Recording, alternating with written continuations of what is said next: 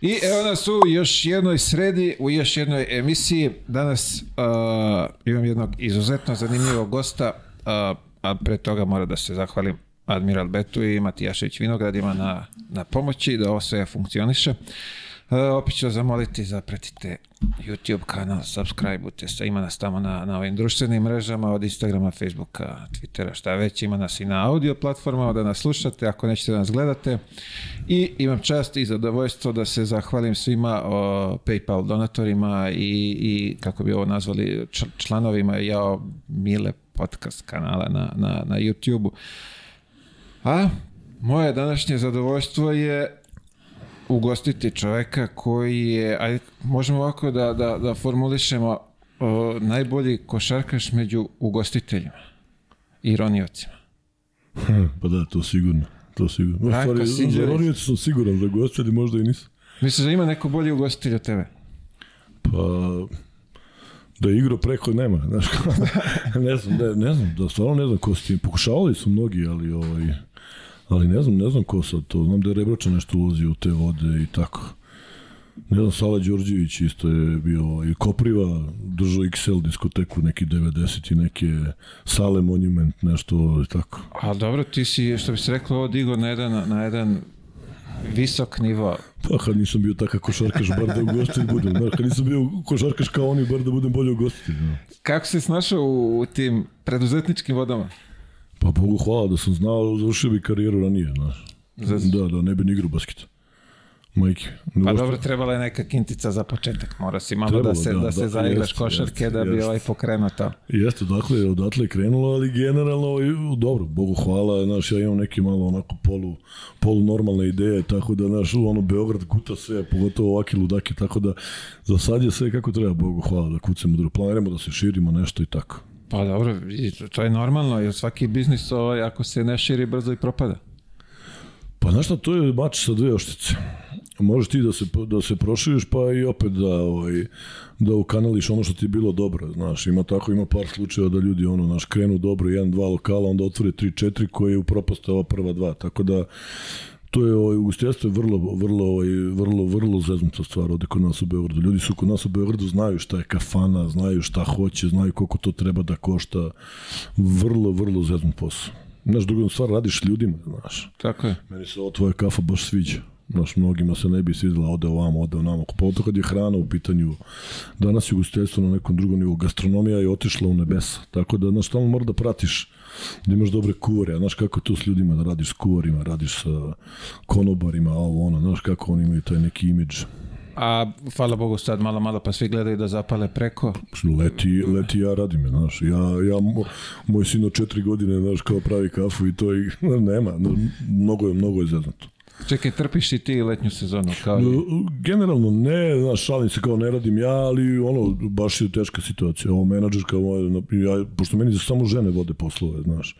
Imam ono četiri, četiri pet ugostiteljskih objekata, tako nekih, nekih stvari i samo mi žene vode poslove, pošto sam ja siguran da su žene ono, mnogo danije poslu i tu su uvek i nekako to sve drugačije, znaš, nežnije to sve izgleda, znaš. I onda ove devojke što mi tu rade u, u ne znam, u kafiću, ono, malo, malo pa uđu u šank, pa pomere, pa po, znaš, znači, mnogo je, leti je mnogo zeznuto. Ljudi, znaš, idu u more, Hrvatska nas iskida, što se tiče radne snage, znaš, leti. Idu tamo, daju veće plate, ljudi odavde zapale. Šta Beograd leti prazan, znaš, malo je to, imaš ti Pazi neki sad ovo, kad, da, u, slažem s tom, ali kad kažeš, ja, ja, ja gledam sad, ajde ne, ne ovaj, licitiramo imenima lokala ko- koji su važe za, za top restorane u Beogradu, gde ljudi odatle koji imaju isto lepa primanja, ovaj, odlaze Da, da, da. na primorje da bi uzeli Jeste. tih par meseci i vraćaju se ponovo nas.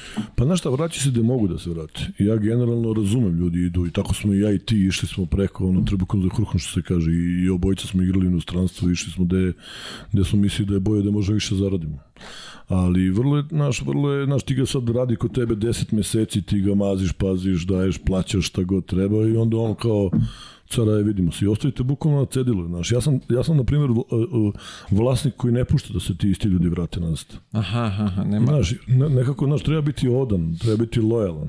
Znaš, prosto, 10 meseci živiš od mene, hraniš svoju porodicu mene. Ja imam sad u firmu skoro 90 ljudi, 90 ljudi zaposlenih. Znaš, I to je prosto, pa nek su oženjeni, pa, pa ono, pa deca. Znaš, to se skupi na 300 ljudi, 300-400 ljudi. Ti sad nekako stvarno, svaka da, da. moja poslovna odluka direktno utiče na njihov život. I sad ti se tu boriš ovo ono i on dođe car u julu, kao aj vidimo se, kao ode ja na hvar, znaš. Zbog tipa 500 eura više. E, pa, a viš, da, to je isto zanimljivo. Nije to sad neka dupla plata, trodupla. Ne, mislim, hoću kažem...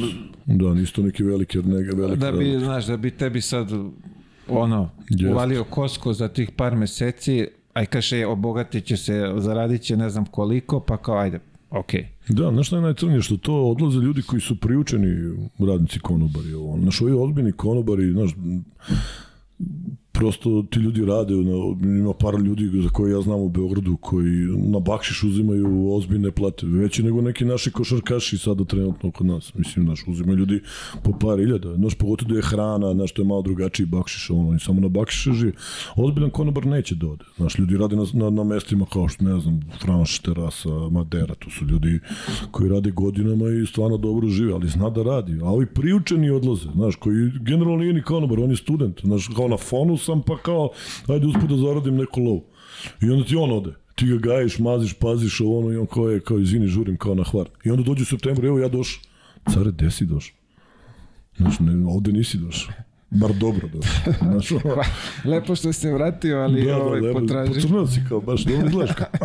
Drago mi je zbog tebe. Kao ja ovde vidiš. To sam ja morao da pravim kafe, vrati, da, znaš, to boli guve, znaš. Ali dobro svako ima svoju naš neku politiku. A to je opet ajde da, da, da se ovaj vadi na, na mladost i na iskustvo. Jel ako pričamo sad o starijim, o starijoj ekipi Konobara, oni znaju verovatno to da cene i donekle Jest. znaju da izvagaju šta je u tom momentu. Znaš što danas dobar konobar, dobar kuvar, dobar menadžer nemaju cenu. Znaš što je bukvalno dotle došlo. Ti sada da zadržiš nekoga care, reci koliko. Znaš, jer on ti donosi, a ja, ja, ja znaš, ima, kažem opet imam par nekih tih objekata, ja, ja bez tih mojih menadžera ne mogu da živim. Brate. Znaš, oni ti prave novac, oni, oni, oni te drže, to su ti ljudi i stvarno mora da ih poštuješ. Znaš, prosto ja stvarno poštujem moje radnike. Na jednom, jednom, jednoj menadžerski kupio taksimetar za muža, ovaj digo, kupio krevetac, ovaj digo potkrolje, ovome, ovo daj, hoće da do... Znaš, stvarno sam tu da pomognem, jer prosto mora da ga gajiš. On će da ode, znaš, to je ma kao. Jer ti sad spustiš niz ulicu, drugi lokal, ja sam konobar, dođi car, izvoli. To više, znaš, ne, da, da, da, nije da, to više više, da, znaš, oni idu vamo, namo, znaš, tako da, generalno ja imam sreće, imam sreće s menadžerima, imam sreće sad, znaš, nekad ti se poklopi dobra ekipa radnika i to je to, ja sad, na primjer, u kafiću imam super ekipu u ovom restoranu, jednom imam gore pošto držim ono glamor, onaj e, sala za sabe. Smem ja da pričam imena i to? Slobodno. slobodno. Da posle da me sačekaš ovde. Ne, ne, da ma vidi ti kao gost ima pravo da reklamiraš sve svoje ovde, sad ćemo... I idemo od, od, od lokal po lokal sve da navedemo. Da, da, ne, ne, ne, ali hoću ti kažem, znaš, imam sreće što se tiče sada trenutne ekipe koju imam, stvarno imam sreće, super su momci, devojke, menadžerke, sad tu neku igronicu ovaj, smo pokrenuli, dečju igronicu tamo u centru Zemuna, mi za Munci nemamo bre igronicu u Zemunu, znaš ti, baš je to tuga, mora da idemo tamo negde jedno deseta kilometra od nas, a mi, mi za Munci redko prelazimo reku, znaš, baš kad moramo, kad nas hapse u 29. kad nas vode, to je jedino kad, znaš, kad pređemo rekao. Imam neku ekipu iz Zemuna i znam da je to, naterati ga da pređe ovamo, to je. Šta ćemo mi ovde, šta? Znaš, imamo tamo sa one strane i mek, i pozorište, i, i futbal, i Čekaj, moguće da se krenu od meka. Imamo Zato mek. što je mek pored mene, pa su mi ga ugasili, ukinuli su mi mek. Ima zatvorili? Pored... Oni Zemunu su zatvorili. Ma šta, bolje pa, išla pe, pljaka pored. Pa, pa stavili Raiffeisen sada da nam, da nam, da nas šure pušima ovako, da, mada i ovi su nas klepali. Na.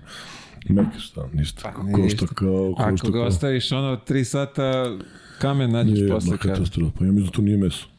Pa to 100% nije meso. To. Pa vidi, po nekom standardu verovatno jeste, ali... Da. Ali... Ko zna čime ovaj... Do, do, ovaj... Ne zvuči kao meso kad, kad padne s pola metra. Da. Hoće da našteti pločicama. da, da, da. da. Haos. Šta znam, ovaj, ja isto nešto, lepo je, ali pazi ovo, lepo je kad ga pojedeš, onako, onaj ukus je, a posle si ono sat i po već gladan. Ma to ne vredi toliko, pa ti za, ti za 500, 600, koliko to sve košta, ja nemam pojma, ne jedem, ali za, koliko, ti ne jedeš, kako, kako sam debel, si, ali brate, to je ono, šta bre, pojedemo onih pet komada, zašto, za koliko, dva, tri soma, da, zato što možeš bre da ručaš bre one naše priljake do, domaćicu, ono sa kajmakom, super opustiš, napraviš slavu za 500. Možda bre, možeš uzmeš lupa sad za te pare kilo pečenja da se oždereš bre ko, ko čovek. Brate, neka, brate. Loše, loše. Ma sve, sve smo primili, znaš, sve što ne treba. Vidi, ok, da ima, ali sada treba nešto tu da se ovaj U nedeljni ručak i to. Pa to, ne, ne, ne, nema svrhe, nema svrhe. Kako se bre, ovaj, ovo me zanima, kako, kako ti 90 ljudi, to treba hendlovati, to je popriličan broj. Ma ja sam malo, znaš, ja sam malo, ja, ja osmislim Znaš, ja kad sam, svaki od ovih lokala koje sam otvarao, svi moji ortaci, ono, Mataj, kao bi šabane, znaš, kao desim, gde će to da radi, znaš. I međutim, ja nekako sve to radilo, ja, znaš, postavim to, osmislim kako bi to trebalo da ide sad ovaj poslednji restoran što sam otvorio, to je onako baš malo drugačiji, zove se Belgrade Kitchen Party, dole na Dorću ili gosti kuvaju, znaš. I to se sad, ja sam to napravio manje više za mene, neko za moju ekipicu malo da se zezamo, jer taj koncept ne postoji kod nas. Ti u Beogradu imaš neke školice kuvanja, ljudi vole da kuvaju. No, ne možda viš koliko muškaraca voli da kuva. Znaš, stvarno je neka dobra deca, evo baš danas imam neku, neku igru, ono za decu, neke kuvanje, taj kurs neki potraje par dana. I to kad sam otvorio svi svoje rekao, ma daj brate, šta još treba ti platim, još idem da kuvam kao si bre, normalno. Međutim, to stvarno radi super, znaš, i, i ja to postavim, zaposlim ljude koji to rade, dobar kuvar, dobar menadžer, ja se povučem. Tako sam se manje više iz svih ovih mojih lokala povukao. Znaš, nemam ja, nemam ja nešto, ne, ne trošim mnogo vremena na posao, jer to je prosto imam, znaš, par, par lokala, tako da je bilo baš teško, ali ali znam tačno radnike, mogu da tih nabrojim imena, ko je oženjen, ko nije, znaš, mnogo mi je stalo do njih. Stalo mi, stvarno volim svoje radnike, poštojem i Znaš, ne znam, to u glamuru gore imam ono, po 40 radnika u toga, znaš, nema šanse da uđemo da se ne pozdravim sa svima, da, znaš, da ne pitam kako, što, kako. Prosto ih volim, znaš, stvarno volim. Moje radnike sam svestan da sam ja bez njih ništa, nula. Znaš, kako, ja sam samo imao ideju, malo to isfinansirao da to krene i sad, šta sam ja bez nekog tamo, neke nevene, nekog ko mi prodaje, nekog perketa koji mi to vodi, bez vlade kuvara, bez ovih, bez hostesi, bez, znaš, ništa, ja to ne mogu da radim.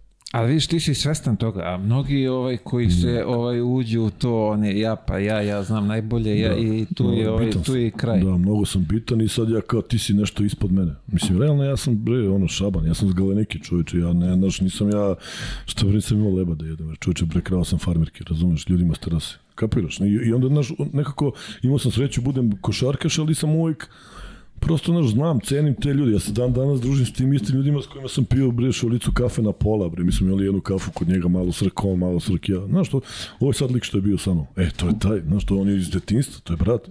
Svi ti moji ortaci nekako, znaš, i, znaš, nikad nisam, čak i ovo što sam ovde kod tebe, to je samo zato što ti. Inače, ja, znaš, ne deći ja, bre, ko sam ja, bre, razumeš? Ne, mislim, sad ja to kao, ja sam bitan, ja, ova. Nebitan sam skroz i, i cenim moje ljude i poštujem i volim i to je, to je, znaš, i to samo ne kao, ja te baš volim, nego, znaš, to je nekad i daš platu, neki bonus i pomogneš i pustiš i kad pogreši i prećutiš i, Ali, znaš, vidi, ne, drugačije ne možeš.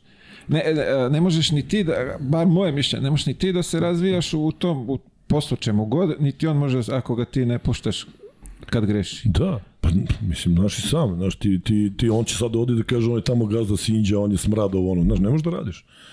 Mislim, prosto, znaš, nisam ja dobar da on ne bi sad e, pričao loše o meni, znaš, ali generalno, ljudi to znaju da vrate, ljudi to znaju da cene. Znaš, mnogo je bitno da u ovom poslu i tebi i meni bude dobro. Da, ja sam gazda i ja zarađujem više, a ti moraš da lepo živiš.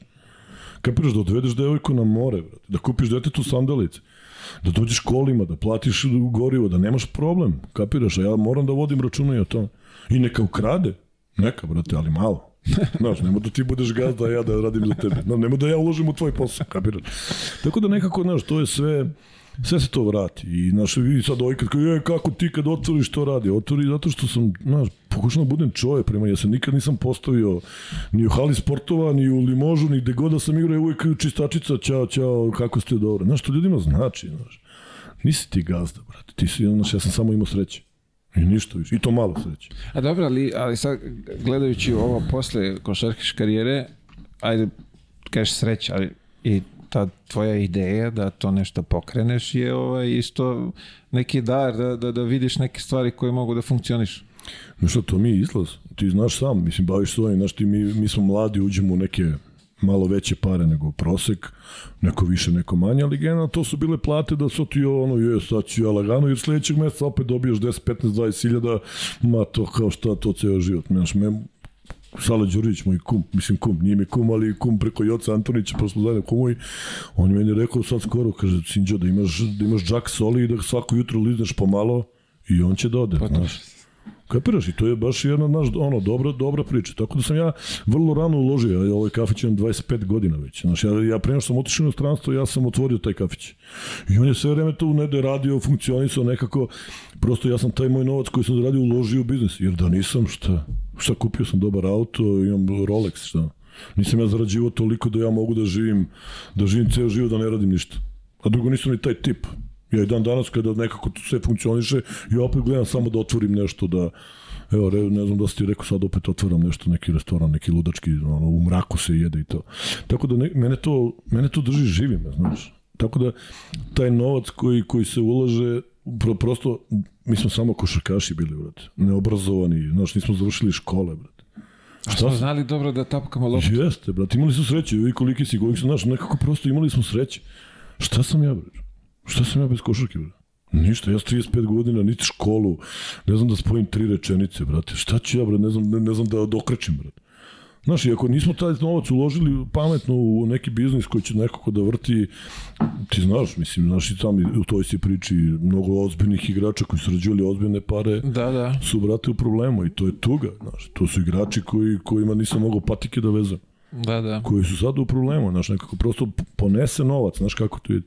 Pa vidi, da li ponese novac ili su loše investicije ili ne, ne, ne znam kako bi to sve karakterisao, ali da, grešaka ima, što bi ja rekao, ovaj, malo se sad nešto ovaj, volim da naglasim da treba biti i finansijski obrazovan. To je u Apsolutno. ovom današnjem vremenu sa tim parama koje oni zarađuju i tekako treba biti finansijski obrazovan da znaš. Kako ne, a ovi što su obrazovani, pa koliko tebe, ti su ih u kanali, koliko njih ima tih savjetnika, ono, pa su, da ne pominjemo imena, mnogi su, znaš, mnogi su nadrljali, izgubili ozbiljne pare ulagajući negde tamo po Amerikama, da, da. u, neke, u neke čudne industrije, znaš, mislim. U neke firme koji ne postoje i, Znaš rudnike kako, pa koji ne jeste, postoje. Znaš, ti si to, to, da. ne samo mi košarkaši, to i futbaleri, svi A oni koji prave. da, da, uvijek da, ti imaš oko tebe nekoga, je, brate, daj mi lovu da napravimo posao, znaš. Daj ti meni lovu da mi napravimo. Znaš, ono, i sad ti nekako pomisliš, imam tu par nekih kilograma para, pa ću kao lako, brate, uradite na pet minuta, mnogo, znaš, mnogo posla. A vi sad ovo kažeš, uh, si malo pre rekao ili sad kad, kad beše da je Dalton najstariji lokal u... Kad, To su mi sad skoro rekli da je da je drugi najstariji u gradu kafić. Znači, pošto je to nekad, ja mislim da je najstariji kafić u gradu je Cvetić na, u, u Njegoševoj ulici, a pre toga bio Zlatni papagaj, pa je bila nekad freska, pa je bio nekad trozubac, to su neki kafići koji su otvoreni tamo, ne znam, 80-ih, ja sam 98. otvorio ovaj, pošto se mnogi, nažalost, zatvorili, taj trozubac više ne radi, ne znam, mnogo ti Zlatni papagaj ne radi, to je sam maltene muzej, ali I evo skoro mi je neko rekao, ja sam 1. februara 25 godina Daltona. Da, ja kad sam otvorio Dalton, Dalton bio jedini kafić u Zemunu, znaš. da, ali sa koliko si ti godina otvorio da? To je isto 25, za... znači imao sam dva, Da, ali da. ti si se sa 25 odlučio na taj potez. Jest. To smo ja, ja i dva moja drugara. Znaš, aj kao šta ćemo, aj nek tu kao kafić, kao bre, šta je kafić, su bile kafane neke po Zemunu, ono, Venecija šljakala, znaš, ono matorci, ono, sa šeširima dolazili. Samo što nisu bili konji napolju sa fijakerima, znaš, nekako prosto to je u to vreme bilo pet kafića u gradu. I da, je kao ono, ja sam tad nešto počeo da zarađujem, tamo je ono, znaš, 95. sam ja prvi put miško, ono, kad me, kad me, ovaj, kad me obradovao, razumeš, da vratim dugove Čaletu i Kevina. Ovaj, I onda je on, nekako tako je taj prvi novac smo negdje uložili u kafić, nas trojica, to je bilo bre smejurija. Međutim, to je odmah krenuo da radi vrhunski, ja sam posle otišao u stranstvo, to je nastavilo da radi i evo sad sam tu. Ovaj, nažalost, ovo je jedan od, od drugara, Mario je ovaj, preminuo skoro, ovaj drugi je, evo sad bio ovde, on je izašao kao, ma daj, kao nisam šaban da držim kafić, to, to, to vi majmuni. I onda me tako, tako sam ostao sam, evo, već 20 godina, 23 godine sam sam tamo, znaš. I funkcionisalo je svo vreme i dok nisi bio tu. Jeste, da, jeste. To je ono, znaš, to je neko radilo to na telefon, malo ono burazar to moj vodio, nešto laganica, dok se ja nisam vratio. Kad se vratio, to je onda malo drugačije poprimilo neke druge drugu dimenziju, to se naš onda uložilo mnogo para, ovo, ono i to sa stvarno, evo, Bogu hvala, funkcioniše, funkcioniše u Zemunu, naš, ono, kao Dalton, svi znamo gde. Da, da, da. da, Robna da. kuća Mek, ono, u centru, tamo ima nek, neki mali trgić, fontanicu, ja to tamo zalivam, neko cveće sređujem te fontane i tako, sa drugarima mojim, da, s Dankom, to je moj brat koji to sve kontroliše, tako da... Pa dobro, Dobro, vidi, da, lokacija je dobra. Centar Zemuna, to je centar Tako je, sveta. da. Kak je ovo grad, ovo trg, ovo, ma kak je to, mi Zemun. Centar ma, Zemun. Ne, pa Centar Zemun. se carski. Uh, ovo što me zanimalo sad, uh, aj kažemo završio si karijeru, uh, vratio se što bi rekla u Dalton si ono preuzeo, posvetio mu se maksimalno. Uh, si imao ideju da ćeš ti ra dalje razvijaš neke poslove? Šta, ja sam prve godine kad sam se vratio, sedeo sam dole u Daltonu i gledam ovako gore na krovu, pored mene je robna kuća u Zemun, ono velika noga. I gledam gore, vidim neka terasa, rekao, šta je gore, ovo, ja odem gore, golubarnik, ono, prazno, ra- ono, nešto. I ja kao, ajde da uzem ovo da napravim svadbe. Okrenem Burazira, tadašnju devojku, rekao, ajde uđem da vidiš samo da pravim. Joj, kao, molim, svadbe? Pošto ja ne slušam to, naš narodnjaki, ja ni ne idem na svadbe, ja baš kad moram. Ja ni za svoju, svoju svadbu nisam otišao, znači, katastrofa. I, I ja kao svadbe, joj, kao, šta da radiš? Kako svadbe, kako ne vidiš, ovo hoće da gori, bre, ima velika terasa, pogled. Ma kao, daj, bre, kao, bre, kak je svako svadbe? Ma, rekao je, ja pitam ovo mog drugara Danka, to ovaj koji je odrastao sa mnom, to je moj brat, i rekao, ajde, hoćeš da uđemo u tu priču neku, da radimo neke svadbe, ovo, ono, gleda, dečko nisi ti priča čovjek uopšte, ono, ozbiljni čovjek. Kaže, ma daj, kao, evo ti, kao, radiš što ćeš, manje više.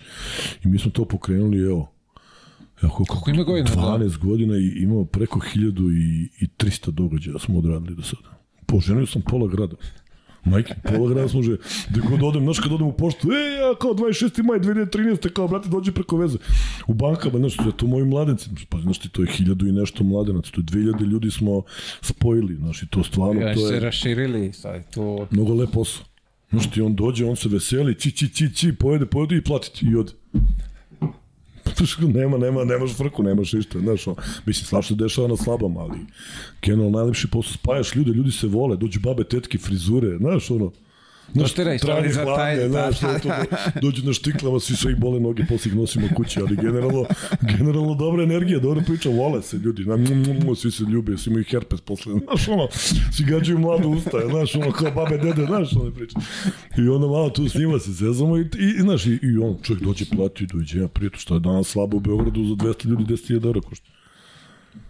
Znaš, to je ozbiljan, o, to je ozbiljan posao. To je ozbiljan posao, ti imaš, ne znam, 100 slabi A godišnje. vidi, sad ovo bila je korona, pa je ono i bilo zatvoreno i sad nemaš, koliko sam čuo, ne, nema ni slobodnih ovaj, prostora za, za, Ta korona za nas je satrala, brać. Satrala nas je. Znači, to i, i pogotovo što su mi uzimali kapare, znaš, ono kapara kao ćeš da redeš, pa daš 1000 eura, ono. I, ja sam imao 50 zakazanih sabi dok je bila korona. Ljudi su otkazivali, ja sam vraćao te kapare. Ja sam, mislim, jedan od redkih, nažalost, lokala u gradu koji je vraćao kapare. Mi su sve kapare vratili nazad. Em što nisam uzao pare, em sam morao da vratim ti 50.000, a troškovi su išli s tim što mi stvarno imamo dobru saradnju sa, sa ljudima iz robne kuće Beograd. Oni su stvarno nama, ono, stvarno to su nam bukvalno kao, kao, kao familija i stvarno super saradnju imamo s njima i onda su nam oni pogledali malo spustili kirije. Inače da nisu morali bi da odemo. Znaš, to je veliki prostor, ima 1600 kvadrata, to su Wow. ogromne, ogromne kirije. Sad ti ako ne radiš, mora plaćaš svaki mesec 10 znaš, troškova, struja, plate, znaš, to je se, i oni su stvarno povukli tu priču, povukli su se ljudi i pustili su da radimo, evo Bogu hvala, sad smo opet nastavili, valjda nema korone, ono, virus, mutant, kako se zove, Godzilla, ovo što nas napadaju svake nedelje, ne? Pa vidi, sad, ja ne, ne znam, ja imam neko svoje mišljenje o Da, tim da, koronama i i, tim isto. čudima, tako da je sve mi to nešto... Vidim, vidim kako pričaš o tome i uslažemo se, znaš. Mislim, Pa ne znam, Matar, evo, evo ja prvi nisam vakcinisan. ma kakvi, pa ne, ne bi se vakcinisao u životu. Ja ti i Novak. To, je to, da, to je ta ekipa. To je ta ekipa. Šampioni kao. Sad bi, ne znam, možda sam ja lud, možda nisam ovaj dobro, dovoljno edukovan za to da mi neko pojasni. Pa ti nešto da- fali, brate. Ali dobro, Da. neki će nas smatrati idiotima, Da, što je da, normalno. antivakseri, antivakseri. Antivakseri. To, kako se bile, beše zvali, i pili su one bre tablete za svinje, kako beše ono? Ma, ma ko da, ko Ne mogu se zašto? setim, imala i ta, i Da. ta jedinica. Da, ova da, ista. da, da, da. Bilo je nešto. Ivermectin. Ne, nije nešto, Tako da, nešto, za konje, bre, zašto beše? Nešto su gruvali, pa da, pa vidiš da ovaj, dan danas vidim ljudi s maskama, znaš. Pa dobro, pa to je, to je okej, to. Znaš, to, to, to tako mora izgleda. Malo, malo, evo što du ovaj Putin ugasio koronu, bio nešto tu sa Ukrajinom. Sad će onda opet, čuo sam da opet kinezi nešto tamo munđaju neki, neki novi virus i tako. Kuma ko zna? Pa vidi, pa, znaju posao, znaju posao. Čekaj, šta je sad s ovima što su pola njih ovaj, se vakcinisalo, pola nije? Šta je s ovim što se... Moj sin je doktor u Njurku, tamo on završao medicinu, zove me kao čale, daj, nemoj da si seljak, vakciniši se kao. Ja kao, bre, čale kao si lubre, kao ja sam dok, naš, ono kao studira medicina, vakciniš. Samo ti gruje, on se u ono modernom, ono, on je modern lik, znaš, tako da on se, on se vakcinisao. I evo ja ga skoro, pa evo ja, pa ja pre, preteča ja, brat, znaš, ono, šta bi sa mnom, ništa, isto koji s tobom, živi dalje, brat, idemo dalje. Znaš. A vidi sad, verovatno će biti kad, kada, kao i kad, kad budemo emitovali, ovo će bude komentara s ovo, idio je antivakser, znaš kako će Isto, bude. pa evo ja imam malo A. dete, tri godine, ja ga vakcinišu. Ja, ja, ja, ja ga, evo sad sam ga vakcinisao na MMR, ono, ja to sve dajem, mislim, nisam antivakser, kak je antivakser. Ali ne, dobro, to su no, normalne neke ovaj, koje regularne vakcine, da, Ono što ali, mora, da. da, ali ovi, ovo za koronu, to će da nas nagaze malo, ali šta da radimo, to je naše, mi smo ovaj slobodna zemlja, slobodan svet, imamo pravo izvora, mi smo izabrali ovako. I živimo, Tako, pa ništa da. nam ne fali. Pa da. Uh, znaš što me zanima? Pošto je, baviš se ugostiteljstvom, kapiram da ima neke zanimljivih anegdota u tim tvojim početcima, sa, kako, kako, neke pričice. Ma da, ma dobro, znaš šta, to, to, na što stoje na slabama, to je pakao. Znaš, to imaš 200 ljudi koji cirkaju, to, znaš ti šta sve mi viđamo. Kradu na meso, znaš, biju se, nabadaju se, varaju se, znaš, ma to ne možeš da veruješ, ljube se sa kumovima, pre nego sa mladom, znaš, ono, ma mislim. Ima tu svašta, znaš, ono, na šta su mi se videli za ovih 10 godina, to, to može film da se, pa znaš ti ne može kad se pobije pola familije, ne možda, mislim, imali sreće, imali smo samo dva takva slučaja, ali ovaj jedan je bio, pa onda Čale nabode mladu, znaš, ono, na sve svadbe, ma što ga nije ispuštovalo i tako, ma ne možeš, znaš, sa muzikom, ma to, to, je, ma, to je manje više na svakoj svadbi ti imaš nekog cara koji hoće da izdominira, da bude bitniji od mlade, znaš, ono. Da, da, da. Pa kad se, Uzme muziku. kad se ostakinje pojave u venčanicama, znaš, ono bele haljine, ne možeš da provodiš ko je ko, znaš, svašta.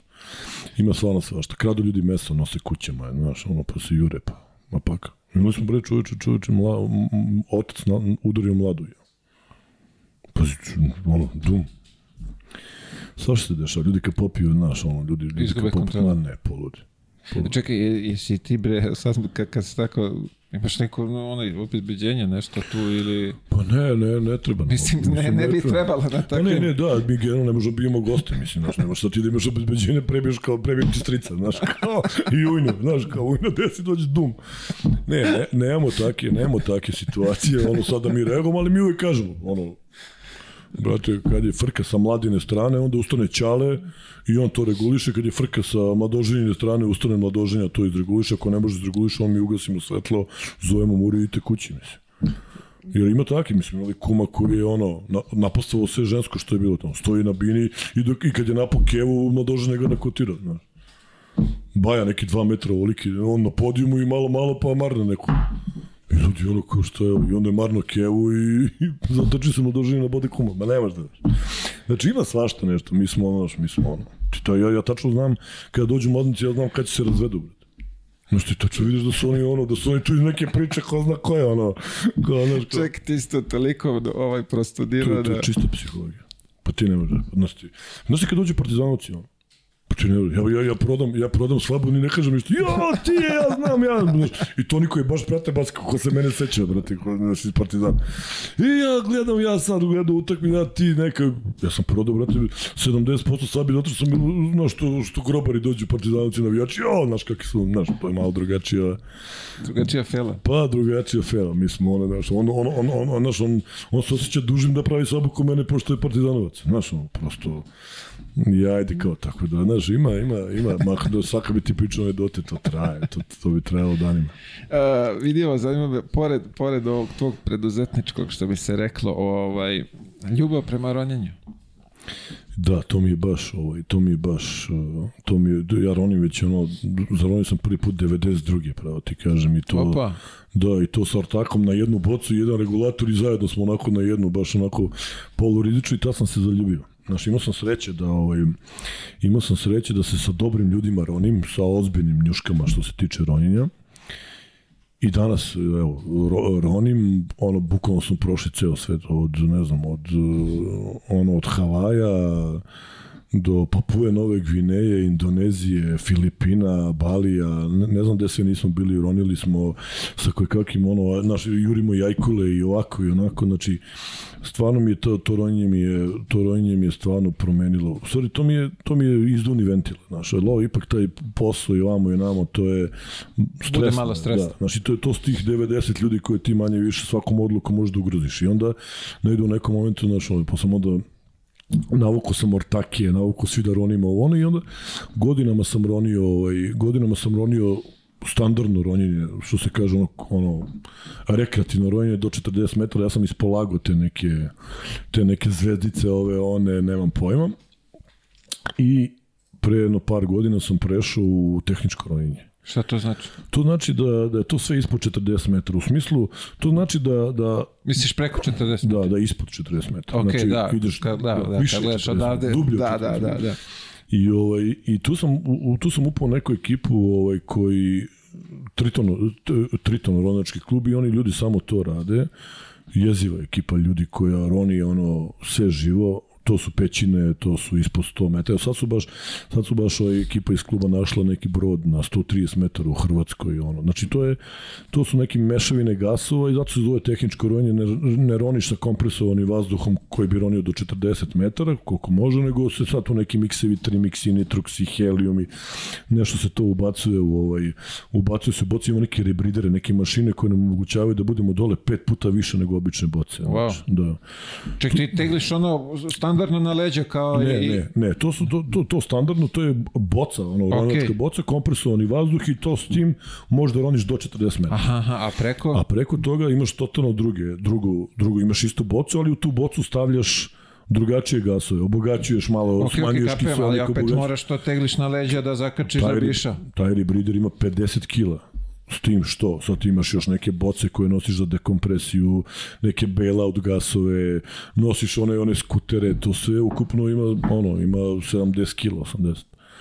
S tim što ti u vodi A kad u si vodi je lakše, da. tu, Mislim, nije... ti to ne osjećaš faktički u vodi, ti se izbalansiraš, imaš neki BCD, neki džeket koji te izbalansira i ti, mi imamo suva odela, znaš, mi, imamo, mi, mi ne, do, ne dolazimo u dodir s vodom uopšte da imaš suvo odela, integrisane čizmice, imaš rukavice, imaš sve i ti faktički samo te ovde, pošto ronimo i reke, save, ronimo pećine, ronimo sve gde je naš, gde, gde su mnogo hladne vode i tako, ronimo ispod leda na Adi, na primjer, tamo nam je, tamo nam je ovaj poligon, tako da generalno... Čekaj, izvini samo, u, tim suvim odelima, ok, ne osjećate uh, vodu, a ni hladnoću. Ne, ne, ti o- ispod možeš da obučeš, imamo neko viz odelo, neko debelo odelo futrovano, obučeš taj kombinezon i onda uđeš u to odelo.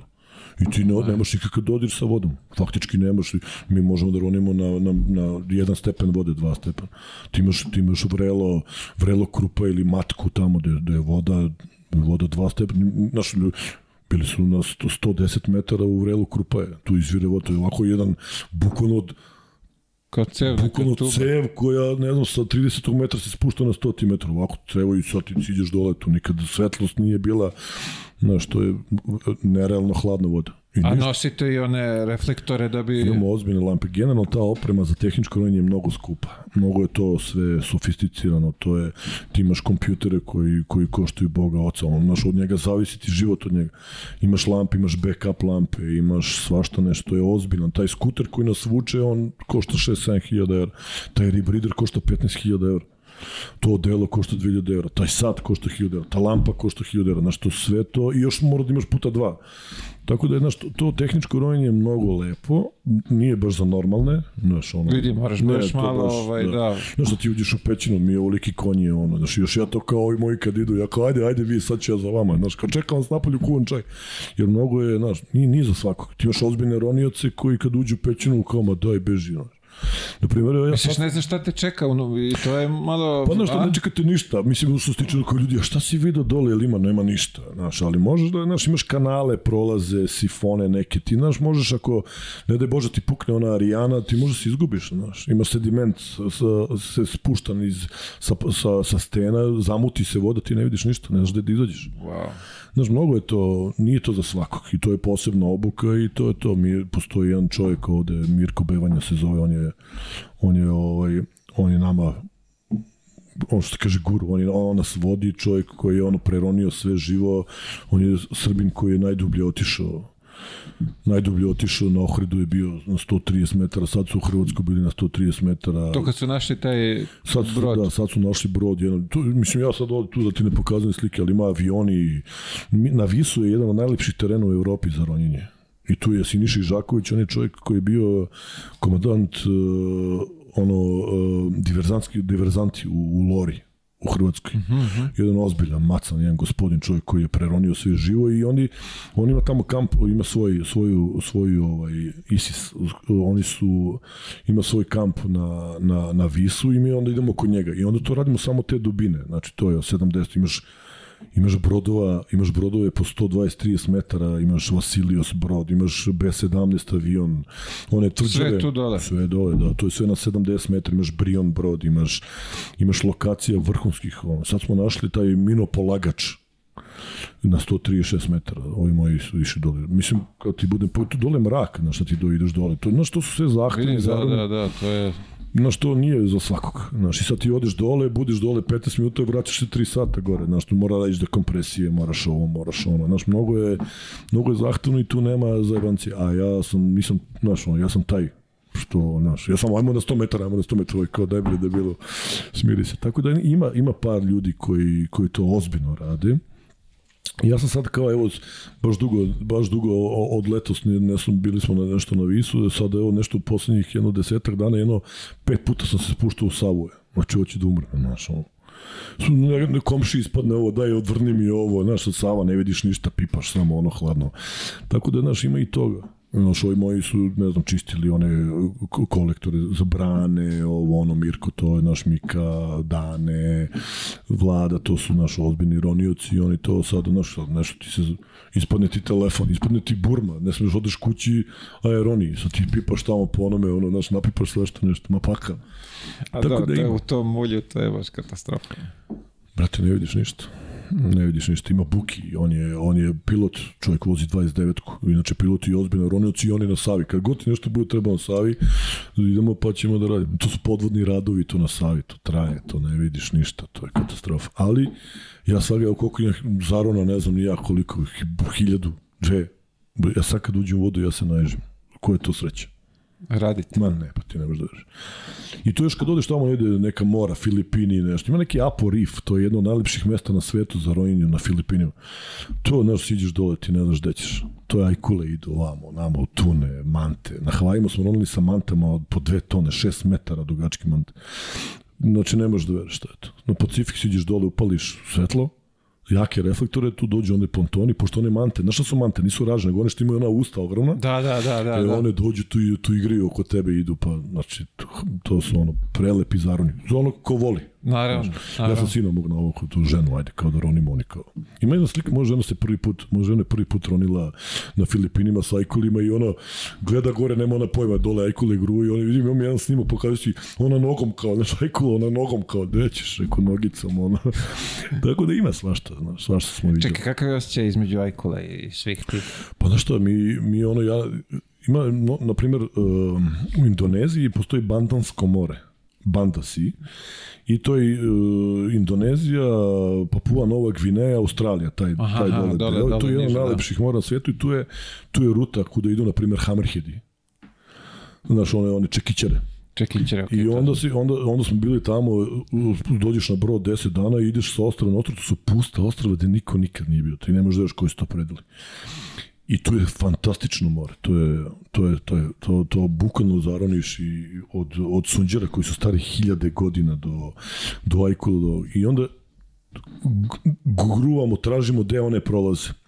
Tamo je bio Miša Vasić, Miša Plavi, on je naš poznati ronioc i on je 10 godina živio tamo i on je znao te i mi smo bili s njim, on nas dole, ti nemaš da veriš to su jata i kula prolaze pored tebe, ono, to, to je stvarno, mislim, ja sam tip koji, ko, kojeg to loži, ima ljudi koji beže bre budalo, ne bi si išao, znaš, imam ja prijatelji koji ne smiju da spuste glavu u, u kadi, znaš, ono, kao, kao ako mi imamo ovoliko, ne, ne, mogu da drže pod kontrolom, znaš, ono, kao, ne, znaš, ne mogu, ja ne, nemam kontrol. Pa vidi sad ovako, to, tvoje iskustvo je drugačije. Nas koji nikad nismo ronili, kažeš, aj kula, mi suseremo svi. A, lupam sad neka veća riba, verovatno biste ono šarana ode kad bi negde u, u Savi naleteo većeg kad bi me upalio u pod da, vodom pa repom, da, usro bi se, kapiraš, sigurno, a da. ti sad opet odeš u te uh, duboke vode, zarane šta god vidiš, te neke prizore koji su ono veličanstveni. Pa da, mislim, to je, to je na lepa strana ronjenja, znaš, to je to što vidiš. Generalno te, tebi ne treba, da, znaš, ljudi se plaše, plaše se vode.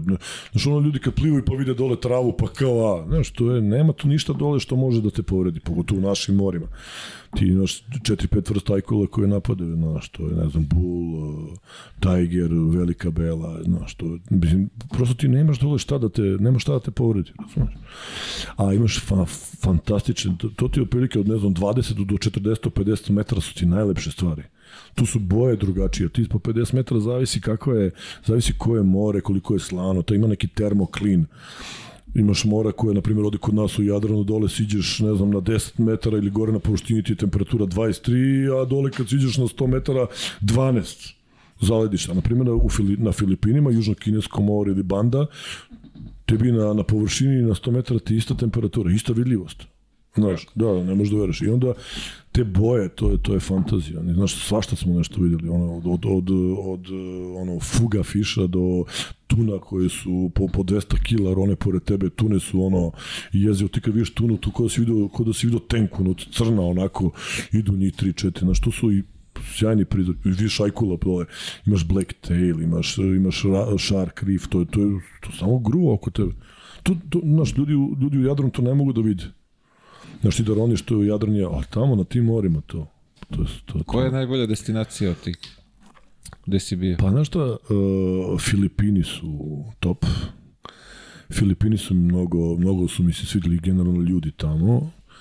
Indonezija mi se mnogo svidela, to Bandansko more mi se svidelo. Znaš što je mnogo dobro? Egipat je dobar, uh, Crveno more. Imaš neki, na, na špicu Sina imaš i Jolandu i, i Jolandu i Shark Reef. I tu je, tu se, tu se uh, uh, Crveno more se pravi od uh, egipatskog, onaj egipatski zaliv i ja mislim Jordanski zaliv, nemam pojma, tamo na Sinaju, taj, oni prave špic Sina i tu se ulivaju dva mora u Crveno more.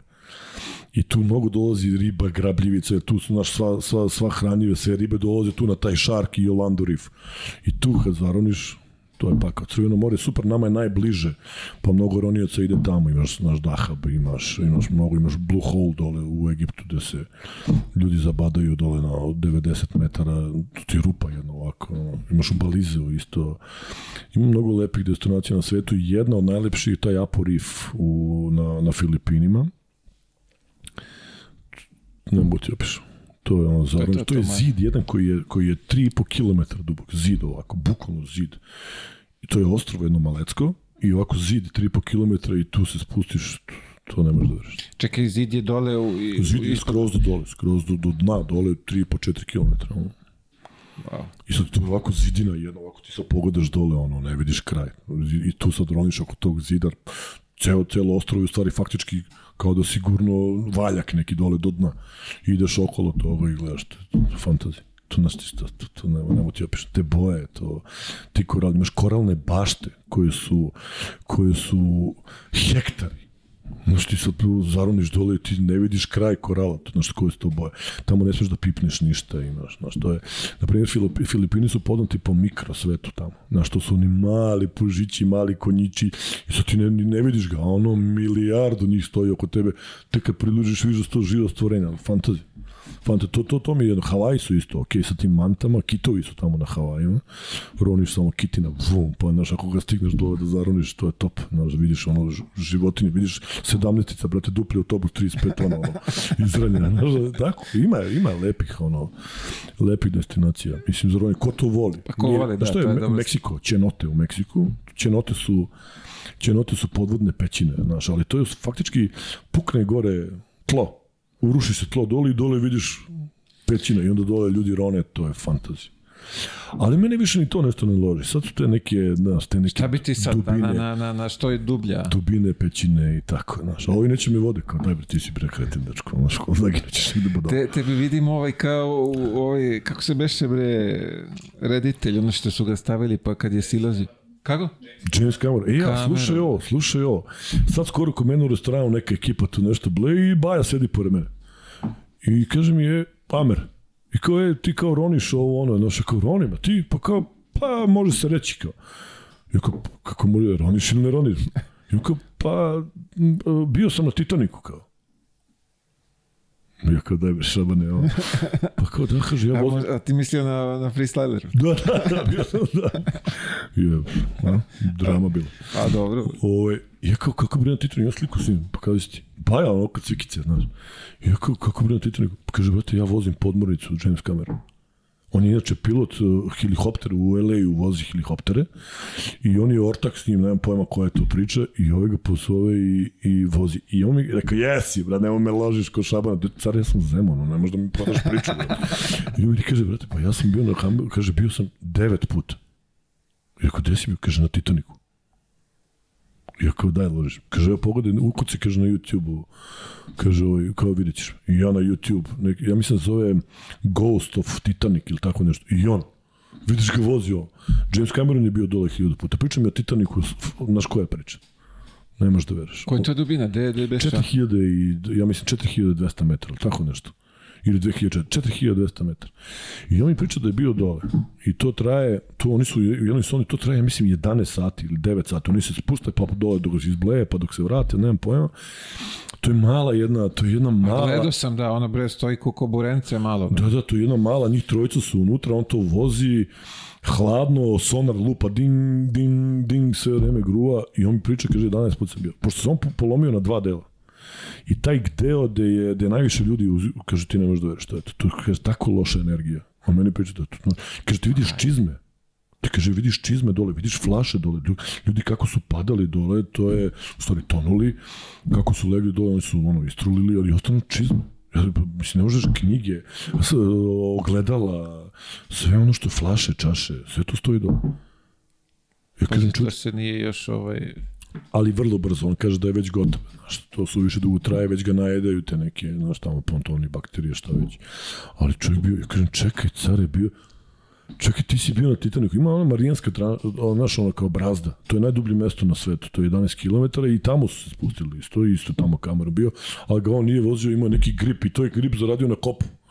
I ovaj ga zove da me voziš i on kao, braci, ne mogu, i on neki, neki zaradio neki virus i nije mogu da ide. To je, naj, to je najdublje, naj, najdublje mesto na svetu, Marijan, Marijan Tranš. Znaš. I ovaj, Čekaj, s tim malim čudom možda se spusti toliko on duboko. ti ne možeš da veruješ. Ja kažem, care si normalno, kaže. Pa znaš ti ide ono čudo? Ono je malo. Mislim, ne znam, bar ono što sam vidio je na... ovaj sto, čuče, ne možeš da veruješ. I on se spustio dole, car, devet puta. Kaže, idemo, kaže, ulazimo unutra, gledamo. Jer film se snimao po tome što su oni snimili dole. Tako je, Oni su da. tačno pravili tačno su pravili rekonstrukciju svega, ono stepenište, znaš u filmu ono stepen, oni meni pokazuju video snimak iz, iz toga kako su tačno došli iznad tog stepeništa i na osnovu toga su rekonstruisali, on je ušao unutra, malte ne se spustio u to stepenište dole sa tim, sa tim, tom, s tom, s tom konzervom. To je ovako debeli čelik, to je ogroman pritisak dole. To je tebi na, na, na, na 100 metara ti je 11 bara pritisak. Kako su izdržali, brate? Kada, To, to, su, to su neke specijalne podmornice. Znaš, ti imaš ljude koji, pazi, 11 bara, pritisak ti duvaš gumu na 2 bara. A na 100 metara ti je 11 bara. Mi kada idemo tako duboko, to su ogromni pritisci, to ti je... Znaš, i ljudi, ljudi, imaš ti ljudi komercijalne ronioce, ovi što polažu one optičke kablove, vo, one gasovodi, ti carevi se spuštaju dole na 250, 300, 350, 400 metara, znaš.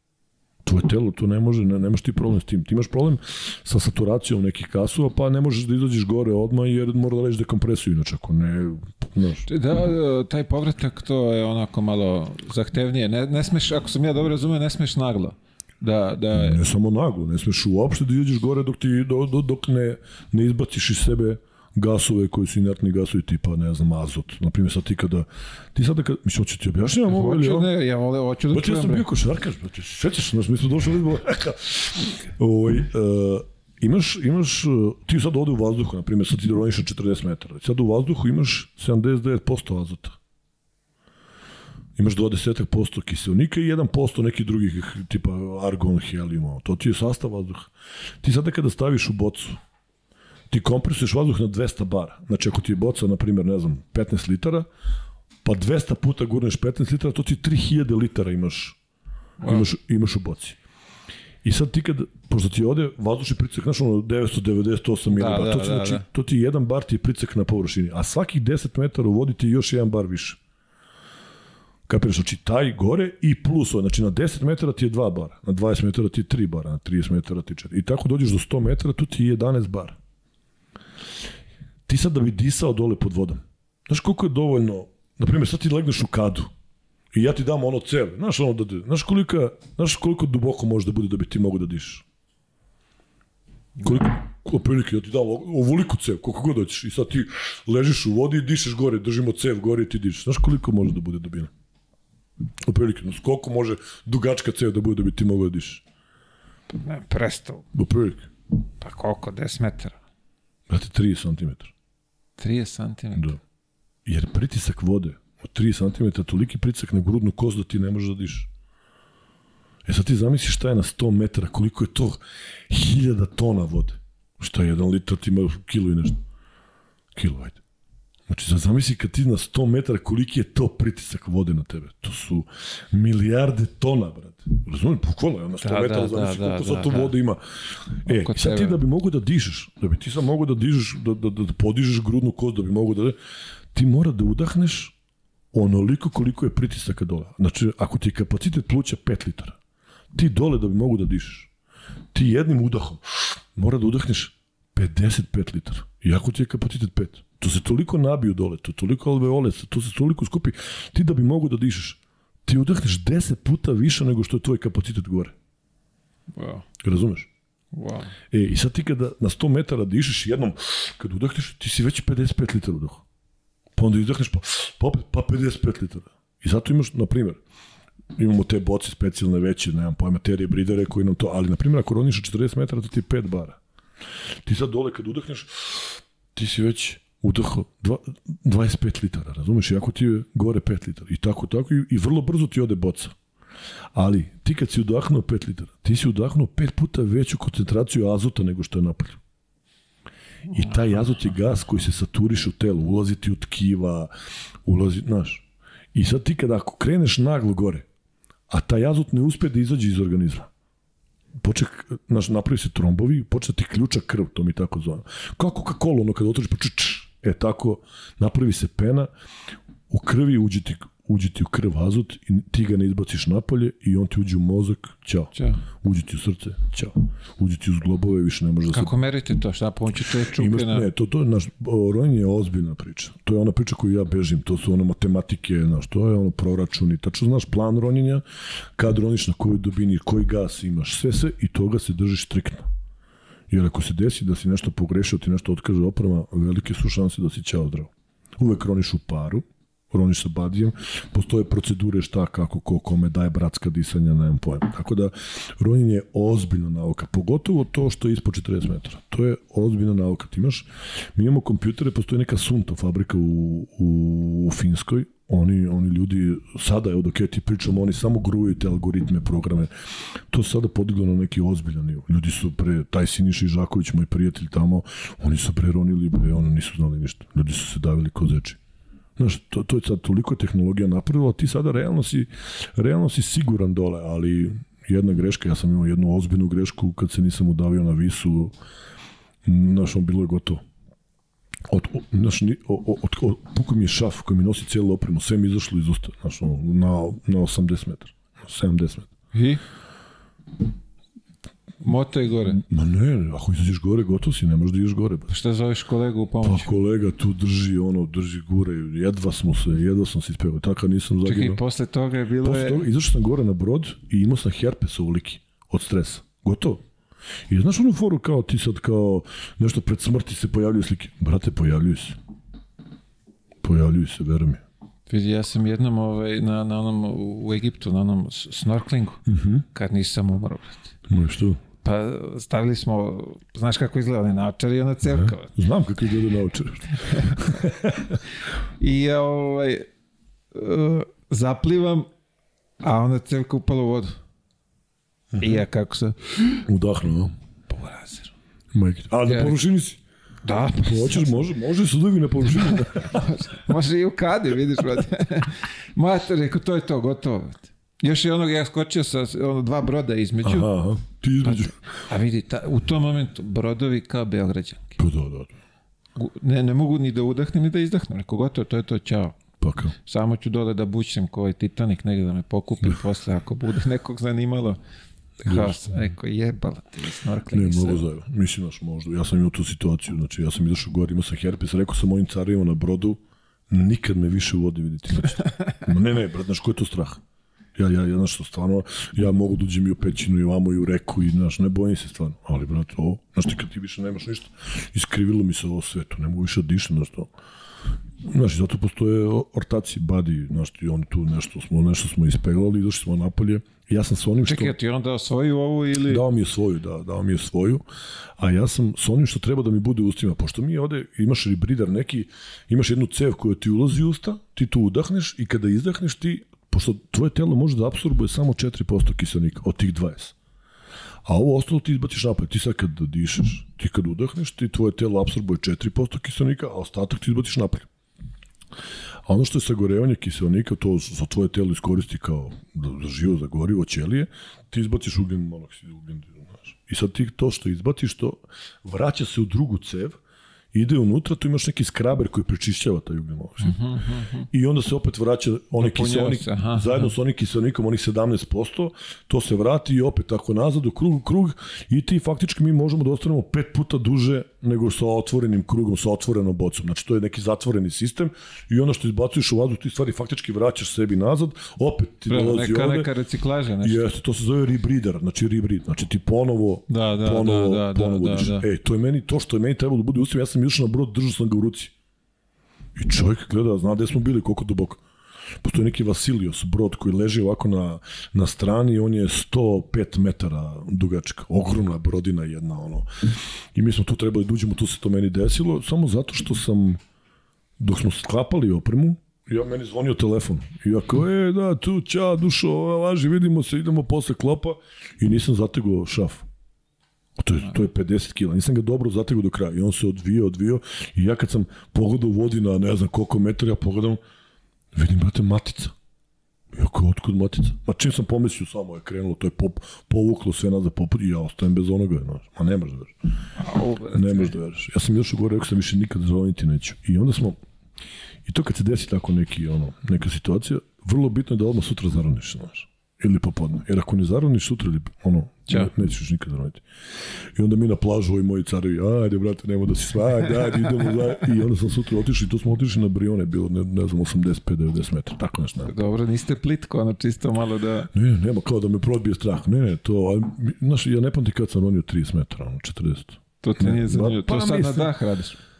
Pa i jedno vreme sam se time bavio, da, nešto sam kao, ložio sam se, imao sam neku dobru, mislim dobro, to je smešan rezultat, imao sam neku statiku 4.45, statička apnea, to je ono kada ležiš u vodi, ležiš u vodi i samo koliko, koliko možeš da izdržiš. To sam imao 4.40 i nešto i to je onako, ali ima Branko Petrović, ne znam da se čuo, on je svetski rekorder, ono i naš car, tu dečko iz Beograda, ozbiljna, ozbiljna A, faca. vidio sam, mislim da znamo kome I pričaš, da, da. Ja mislim da on imao 12-13.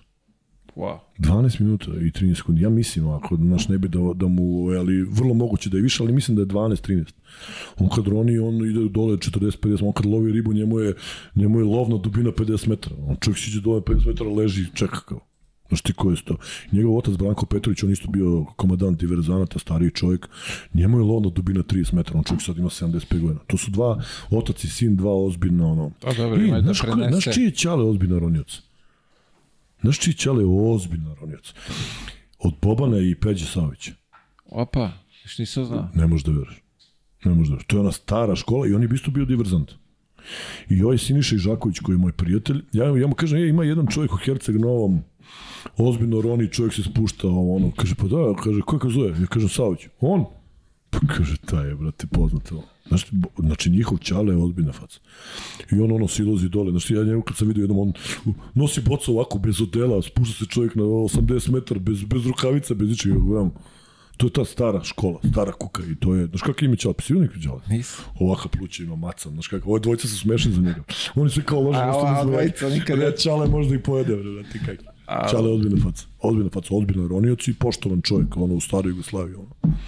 Ček, sad kad kažeš na dah, bre, bilo je pre par godina neko se u, utopio, tako, Jeste, negde u, u- Hrvatskoj, da beš. Ut- Utopila se, utopila se najbolja, na, ja mislim tada svetska rekorderka u ronju dah na, na Ibici. Najbit. Da, ona se Sam da udavila, ovi kažu da je Ajkula marnula. Kaže, nije is- isplovila uopšte. Uh, pa Rok Petrović se tako udavio. Znaš onaj skijaš Rok Petrović nekada? Znaš, Jan, on je Bojan Križa, Rok Petrović. Da, da, on, da. Se, on, se, on se tako Isto udavio. taj faz. Da, on se udavio, on se udavio na dah. Taj dah je mnogo zeznut kad izranjaš. Jer, jer ronici na dah se dave između prvog i petog metra. Da, to, to je totalno drugačije od nas. Jer oni, ti uzmeš, oni gore uzmu vazduh, na, na, to je pakovanje neko vazduha, dijafragma nešto, nemam pojma. Mislim, imam pojma, ali da te sad ne smaram. Da, da, da, ima vežba za to. Da, i ovaj, da, to je, to je joga, to je i nešto stvarno ozbiljni, ozbiljni momci. Oni siđu dole, oni napakuju vazduh, tu nešto hiperventiliraju, ne znam, znaš, na, na, na, na, napune se kiselnika vazduha kako god mogu, siđu dole. Postoji neka, neka, neka, neka granica kada, pošto on radi, on troši, troši, troši kiselnik i pojavljuje mu se ono ugljen dioksid, znaš. I sad kako, ra, kako se spušta kiselnik, troši srce, mišići, mozak mnogo troši, on kako ide dole, troši se kiselnik, a raste mu ugljen dioksid u telu, on ga ne izdiše. Ronjaci na dah ne izdišu, on, pff, znaš, nego prosto drže do gore. I kako se spušta nivo kiselnika, tako ra, raste nivo ugljen dioksid. I u momentu kada se spoje, imaš blackout, uspavaš se Wow. ugljen dioksid. I sad pali što je fora. Oni siđu dole, krenu gore, dole veliki pritisak, taj ugljen dioksid je nabijen u telu. On kako ide gore, smanjuje se pritisak i on krene da se širi u ugljen dioksid krene da se širi u organizmu, jer je manji pritisak. I on dođe gore na 5 metara, on se raširi skroz, uđe mu u mozak, uspava ga i on se tu uspava. I tu se oni dave najviše. Ovo je. I to je mnogo zezno, to je, znaš, to ronjenje dah je onako baš mora da si faca. S tim što to isto nikad ne roniš sam, uvek si, Da, znaš, da, da, nekim, mora. znaš, safety team, taj ljudi koji dolaze Ništa, po držat ću se ja pličaka, maturi i, i bazena mišići, ovih dva. Mišići, lido, eventualno leđno. Znači, što više. Bazen mi je svaki mali, to je dobra stvar. To je, Da, da, da, da, to možda je- da otkočiš. To, da. to, to, a ovo ostalo pusti. Jednom sam isto nešto ko- kod prijatelja na Savi kao ovaj splavi kao ajde da se dobacujem. Ja prvi put ulazim u Savu. Matori. Vidi, ja plivam da bi stajao u mestu. Da, da. Dole nema, nema dna, ne, ne, ne, ne, ne, ništa. ne mogu da pipnem ništa, rekao. Hvala vam, Na ja što je ću Sava, gledati. Sava za Dunav i jezero? Bukvalno, što je Dunav? Dunav, no, pa ne. Ti imaš naš malo je zeznuti Dunav zato što gore prvi metar je onako, dole ispod je matica. Tu nosi, tu nosi panjeve, žice, mreže, limove, kola, ljude, svinje. Znaš, to ono, ljudi bacaju gore, ovo baš svak god. Znaš šta je, Dunav je šta mnogo... će za- te zakači dole ispod. Jeste, Dunav je mnogo za, kao zarniš dole, nešto kao treba da nađeš kao. Ma, bez. Sorry, šta nađeš? Znaš, ono, Ma, nije lako, nije lako. I ti cariju što roni po rekama i naša žandarmerija je ozbiljna ekipa, znaš. Ima tu par momaka, ono, ko, ono, to su stvarno dobre face, ko je Joca, Bane, to su ozbiljni, ozbiljni ljudi. Ti što, znaš, ono kad se neko udavi. Da, da, da, da. Vidi, bilo je kad već prošle godine ovaj dečko. Iz, Pa jeste, Da. znaš, mislim, znaš oni su, mislim, realno oni su ljudi znali da je on to ne, on je čovjek ušao u, u, bukvalno u košulji u vodu od dva stepena, on nije mogu da izdrži duže od, od minuta.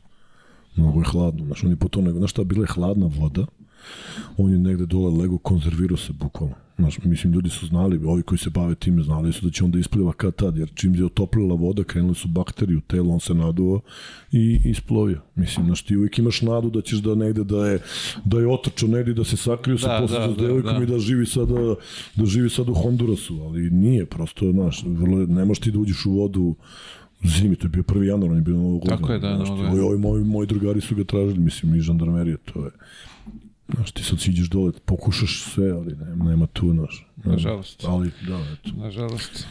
da, baš nažalost. Uh, vidio, ajmo sad malo na tvoje detinstvo i bavljanje sportom. Kada je to bilo? A? Pre 50 godina. Pa ajde, ajde malo, da. Kako izgleda to tvoje odrastanje tamo u, što ti kažeš, ponosan si zemunac. Pa da, da, mole, ja nisam ni za ja sam sa Galenike, znaš, to je tek Ti si posebno. još da- tamo. bro. Ma da, šta, kako izgledalo, kao i svi, znaš, ono, to Galenika, radničko naselje, znaš, Ćale Keva, radni, ono, znaš, ljudi radili, vrat, beda, tuga. Mislim, znaš, nije ono, pokušavali smo sve, znaš, Ćale Keva, znaš kako je to bilo tada, vrate, komunizam, ono, znaš, ono, 70 i neki. Borili se ljudi, ali generalno to naselje, je, znaš, onako bilo uvek problematično, znaš, to je leglo, leglo ludaka, brate, bilo kriminalaca, ovo, ono, znaš, to uvek je bilo nemir neki, uvek je bilo, znaš, uvek je bilo neki, i tu je prosto kada odrastaš u takvoj okolini s tim ljudima, znaš, nekako ti to postane normalno, znaš, baš je bilo, nije bilo dobro. Znaš, to porodično, to je sve bilo super. Jasno, to se sve da, pa peglalo, dobro, da. ja i on Burazera, stari sve, mi smo stvarno, Bogu hvala, znaš, ono, otišli smo na, na neki dobar put, ali to su 90. 80. 90. to moj najbolji drugar i moj drugar i partner sad u poslu i to, znaš, to prosto su mnogo njih je otišlo nekim drugim putem, neki nažalost više ni nisu tu, znaš, ono što se sve dešavalo 90-ih, tako da generalno ja sam imao, ovaj, imao sam sreću. Imao sam sreću da Burazar počne da igra basket u Partizanu. Tada je Partizan imao ono škola Partizana, bilo je jedna škola bila u Zemunu, a druga je bila u bloku u bloku 45 i u dva i u više, 20. oktobar, da, u bloku škola, 70. Da. I onda je Borazer krenuo, a to je već krenulo su neke sitne tu, trafika, felna, znaš, ono farmerke, znaš, nije bilo, brat, znaš, ono nekako, Dobro, preko si zanat. pa znaš što, plašio sam se ja Čaleta, to je sreće moje, znaš, meni Čale, znaš, Čale, ono kao, nemoj da ti ja, znaš, ono, ali ja, znaš, tu s A moraš malo, daj da... da. Bilo mi dosta na pljuckam, ono, na našu kraju, ne, da, Ćoško, da, to je ta ekipa, brate, Seminkice, no, nema, nema tu više galenika, brate, samo čuš, im, im, Murija ide negde, juri nekoga, ovaj beži, ono, ortak prođe kolima, beži od Murije, znaš, to je, stalno je bilo neki, znaš, nešto, ne, znaš, drugačije. Mislim, bilo je nemirno. Znaš, Pa vidi, prosto tako je vreme. pogotovo te 90-te I su baš tu gde smo mi živjeli, znaš, ti Zemun uvijek ima neko, mi smo malo posebni, znaš, malo je to, ponosni smo, previše smo mi. Država za sebe. Da, znaš i sam, da. I, ovaj, i a pogotovo ta galenika Zemun polje, to su radnički, to su dobri ljudi, ali radnička naselja, nema tu mnogo, znaš, nemaš ti tu mnogo izbora. I onda sam ja tu nešto kao krenuo burazir, onda mi smo tamo imali neki koš, ovo, ali ne možeš dođeš na koš. Znaš oni lokalni carevi oni? Znaš koje ne možeš da dobiješ, brate? Znaš ono, Eda, Draža, Koca, Tara, Tarbuk, ovi, oni, Mića, znaš to, dođu neki carevi i odvale te, brate. znaš ti ne možeš da dođeš na koš. I klijent, znaš ono, ono što nose znojnice, matorci, ono, znaš, izgubiš, ideš kući, to je nekada bilo, znaš, Ne možeš doći na red. ma kaki, to je nekada bilo, sećaš? sutra da... Šta bre, izgubiš jednu ćao zdravo. I ja sam s njima tu nešto kao krenuo neku basketicu, nešto ono, pre, prebijeli me to, to je fight na, svakoj, na svakom basketu fight, znaš, to je on vređanje najstrašnije. I onda neko burazar krenuo da igra, ja kao krenuo s njim nešto, ja, prvi put kad sam je uzeo u, u, u ruku, ja sam se zaljubio. I ja kao, znaš, ajde, kao mali odu, ja počnem i krenem ja da trenem kod Mirka Kozomera u, u, ovaj, u, u Lazar Savatić školi, to je ta bio partizan, ali je bilo kao odsek za zemlju. I to je bilo super krenulo i vrlo brzo sam ja otišao ovamo u Kojaci Janića pokojnog, ne znam da li znaš. Kako ne znam, da. Legenda, Čikajac. legendarni Čikaca, on je ono, on je napravio mnogi igrače i stvarno jedan pedagog jedan sjajan čovjek i on je on stvarno, on, on, zbog njega sam počeo da volim košarku na pravi način. I to je neko tako krenulo i ja sam tu nešto kao, ajde, kao nisam bio loš tu malo ono partizan, a? I kad sam ušao u kadetsku, u, u, u kadete, pozovu me za reprezentaciju stare Jugoslavije. Ono, reprezentacija je bilo evropsko prvenstvo u Grčkoj za kadetsku, ali tad je još Juga bila, to je 91. ja mislim, da, 91. I od, o, kao stara reprezentacija, no, i tu su tada bili Hrvati i Slovenci, ovo. On tad je bio Rimac, ne znam, Mate Skelin, ne znam da ti njih znaš, Slaven ne Rinc. znam kako, Bio. Dončićev čale, Sale Dončić. On mi je bio cimer, ja i on dva ludaha, ne zna, on je isto, on je, da. on je jedan ozbiljan frajer i ono, Baja i ozbiljan Srbin, car, ono, znaš. Mi tu, ono, neke pesme četničke, znaš kako to krenulo 90. Da, da, da, malo da malerisali ove Hr- provocirate. Malerisali malo ove Hrvati to, ali, znaš, bilo je stvarno dobra neka ekipa, bilo je naš šest iz Srbije, ja mislim da je bilo pet, uh, pet uh, Hrvata i Sale Dončić. Šta je on je spadao tada u... On je u Slo- u Sloveniji, da, on je kao Čekaj i bre, zar nije on uh, Kraljevo neko? Smederevac, da, ja mislim da on je Smeder, Smederevac, da, ali je, da, tamo je već tad igrao tamo u, u Ljubljani, ja mislim da je tada igrao, igrao Olimpiji.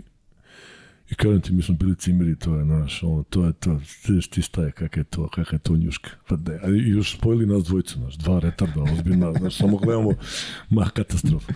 I bilo je, bilo je, i to je, bili smo na Mavru, bili smo na Mavru nekim pripremama i odlazi se u, na, na evropsko prvenstvo u Grčku i dan pred odlazak oni Hrvati sklone. Zovu Hrvatski ono, savez, znaš kad su ono već. Aha, aha. I pomere sve Hrvate, a mi bili ekipa ba, bez problema prvi u Evropi. Znači to je ono, baš je bilo dobro. I oni pomere, pomere, ovaj, pomere Hrvate. Ostanemo nas Petro. Bio, bio Mišković, bio Mišković, bio Perović, bio je Aca Bijelić, ne znam znaš ti Aca Bijelić, on nama bio kapitan cele reprezentacije. Čekaj, Aca Bijelić bio iz Čačka? Da, Iz Čačka. Kako ne znam. Znaš ti, to je ubica, to je ubica dečje glica. Znaš, ona faca, ono dođe, ma to je 50, ne nema što je bio. Pa dobro, Čačanska škola. Jeste, ruka i to je to. I ovaj, i on je o- o- od nas petoro tu nešto ostane, Sale Dunčić ostane s nama i ovi Hrvati odu i oni bukvalno nam sutradan dovedu, ne znam, bio je bio je Drobnjak došao, Sale Lazić, Dule Jelić, bilo dobro, bio Deki, Dejan Mišković, bilo, bilo, je- bilo dobro, onako dobra ekipa, ali nismo igrali Pa bukvalno niste dan uigrani, prvenstva. da. I mi čoveče polufinale, ne, ne znam, u grupi nešto sa Italijanima na dva produžetka. To je bio Menegin ovaj mali, znam, Rossi neki. I mi to izgubimo bukvalno u, du- u, u, posle drugog produžetka, bre, ono, skupili se dan pre toga. I posle toga ja se vraćam tu, vraćam se u BG i kao telefon, kao je kao, uh, sine, dođi kao prvi tim Partizana, kao ja, kao. I rekao, ortace mi lože, ma nema trika, Kao ja kao be, ja kadet, ja nisam ni bio junior, ja sam iz kadeta otišao u prvi tim. Mislim, otišao prvi tim. Prekomandovan direkt. Zvali me, da, znaš, ja nisam ni igrao, znaš, mnogo je to rano, ja sam kako imao, nije, da. imao 16-17 godina, bre, uliki uši, uliki nos, imao 26 kila, patika 50, znaš, gde ćeš, stari? I ja rekao, ovi ortaci me lože, znaš, "Ma, jeste, kao. I ništa, ja to od, znaš, to je bio telefon, trr, trr, znaš, ono, kao. Da, da, kao- da ga namotaš. Ma da, da, nije bilo mobili da me dobije. Ne. I ja kao, ma jeste, važi cara, vidimo se, i ja izađem napolje kao, ma kao, ko mene zove, će, kakve će. Opet me zovu su, ono, kao, eto, stvari si normalno, kao, je kao trening u ponedeljak, kao prvi tim, kao. Ja, kao, ko je bre to? Kakav bre prvi tim, pa znam, bre, nije mi pao na pamet, bre, čuči, ja ono osmi rad, prva, prva godina srednja, kakav prvi tim. I sad, ja mislim da mi se tada javio Vuk koji je sekretar, kao dobro, mali bre, ne ja, to ne možeš da veruješ. To nije spavao, to nisam spavao dva dana, brate. Pa ja autobusom išao, bre, ja krenuo prvi autobus u pet, sa Galenik imao trening u 12, ono čekao sam tamo ispred, možda to ja, a to taj ulazak, to prvi tim, to, pa ti ne možeš. A tamo već, ko je, e, Željko, ne, Steve, Željko, da, že, to je prva godina Željka Bradovića. Prva godina Željka, tada je bio profa, profa je pomagao, profa Nikolić je pomagao, pomagao Željku. Pa ne znam, ova ekipa, Danilović, Da, da, da, Makić, iz ovo, Istanbula, da, da. da. Zverovi, a pazi, ja ulazim, sećam se, ja ulazim, moja, moja slačenica, moja, moje ime prvo tu, odmah tu su strane, čim uđeš na vrata, ja. Ja ušao prvi, brate. Znaš, da slučajno ne zakasnim, znaš, ono, pa ne možeš da vjeriš. Jel sendviče tamo ispred, brate, putujem četiri dana da gledam neki busem, 84 znaš, ono.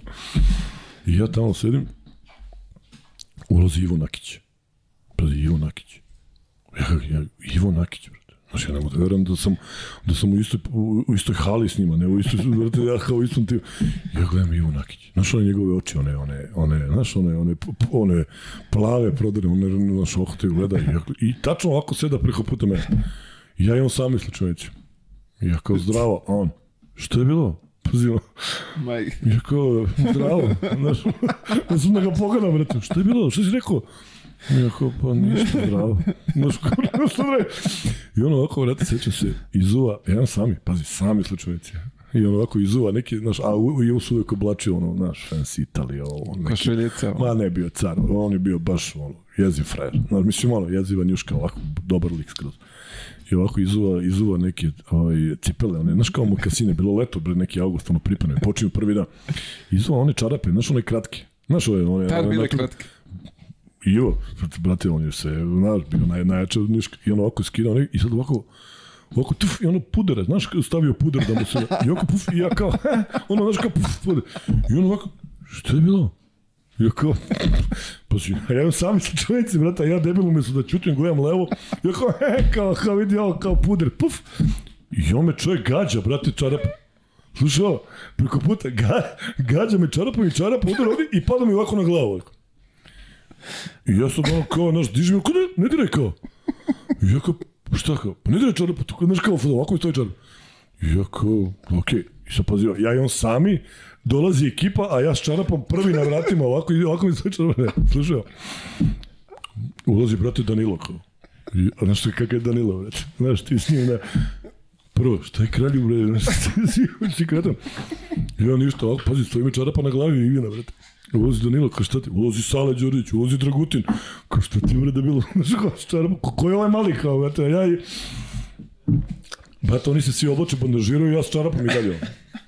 I evo kao da vrati čarapu, ja kao hvala ti car, ono, znaš kao, vratim ja nema čarapu i to je početak kraja moje karijere, brate, znaš, ono kao, nikad me nisu ozbiljno shvatili u klubu, znaš kao, brate, prvi kontakt samo ja čarapa na glavi i to Ivina, ajde je moja, brate, nego Ivina, ono.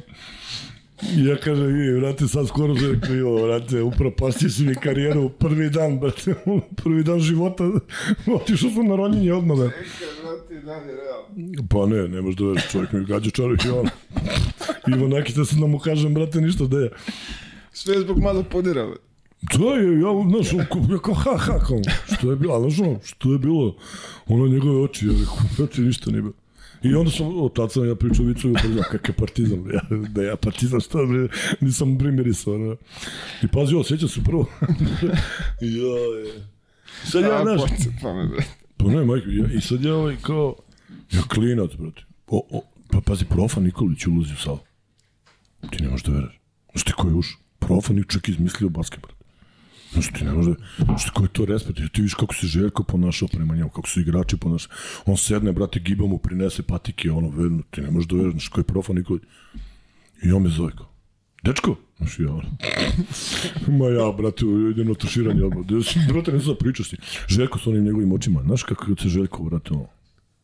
Brate, znaš, ja klinac, brate. Ali je koliko, 16 godina? 16 godina, brate, i ti ulaziš u ekipu koja je, brate, sve su to mladi ljudi, brate. Šta Danilo, brate, imao 29 godina. Danilo 91 imao 21 godinu. Rebrača 20. Stragi, brate, 21 godina. Lončar 20 godina. Ti to je najmlađa ekipa koja je ikada osvojila bilo šta. Ti imaš Danila, brate, koji je bio nosioc ekipe, mislim, oni Sala Đorđević, su- oni su napravili celo to. Rebrača 20, Stragi. Kopriva imao 23-4 godine, Sala Đorđević 23-4 godine. Čovječe, ibre. Ti znaš sada neku ekipu sa 24 godine koja može da osvoji To, to, znaš, to, to prosto se tako tad namestilo. Željko prva godina, tu mu profa. Znaš, to, to, cijela ta atmosfera je bila nekako ono, to, i imaš ono, mentala koji non stoji, ja kao njima pričam vice, oni me voze u školu. Odveze me Sava Đurić u školu. Ja kao tad išao u saobraću, nešto maran. Ja izlazim, pa ja idem u Rikvec, brate. Pa ja odgovaram, profanima, on me pita, kao, ma daj, dečko, pali, bre, dovezu mi Sava Đurić u školu, misli, bre, normalno. Ja sam tu priču život, to je bio, moj, na školu, brate, otkud ja ovde? Ja se dan danas pitam, otkud ja tamo?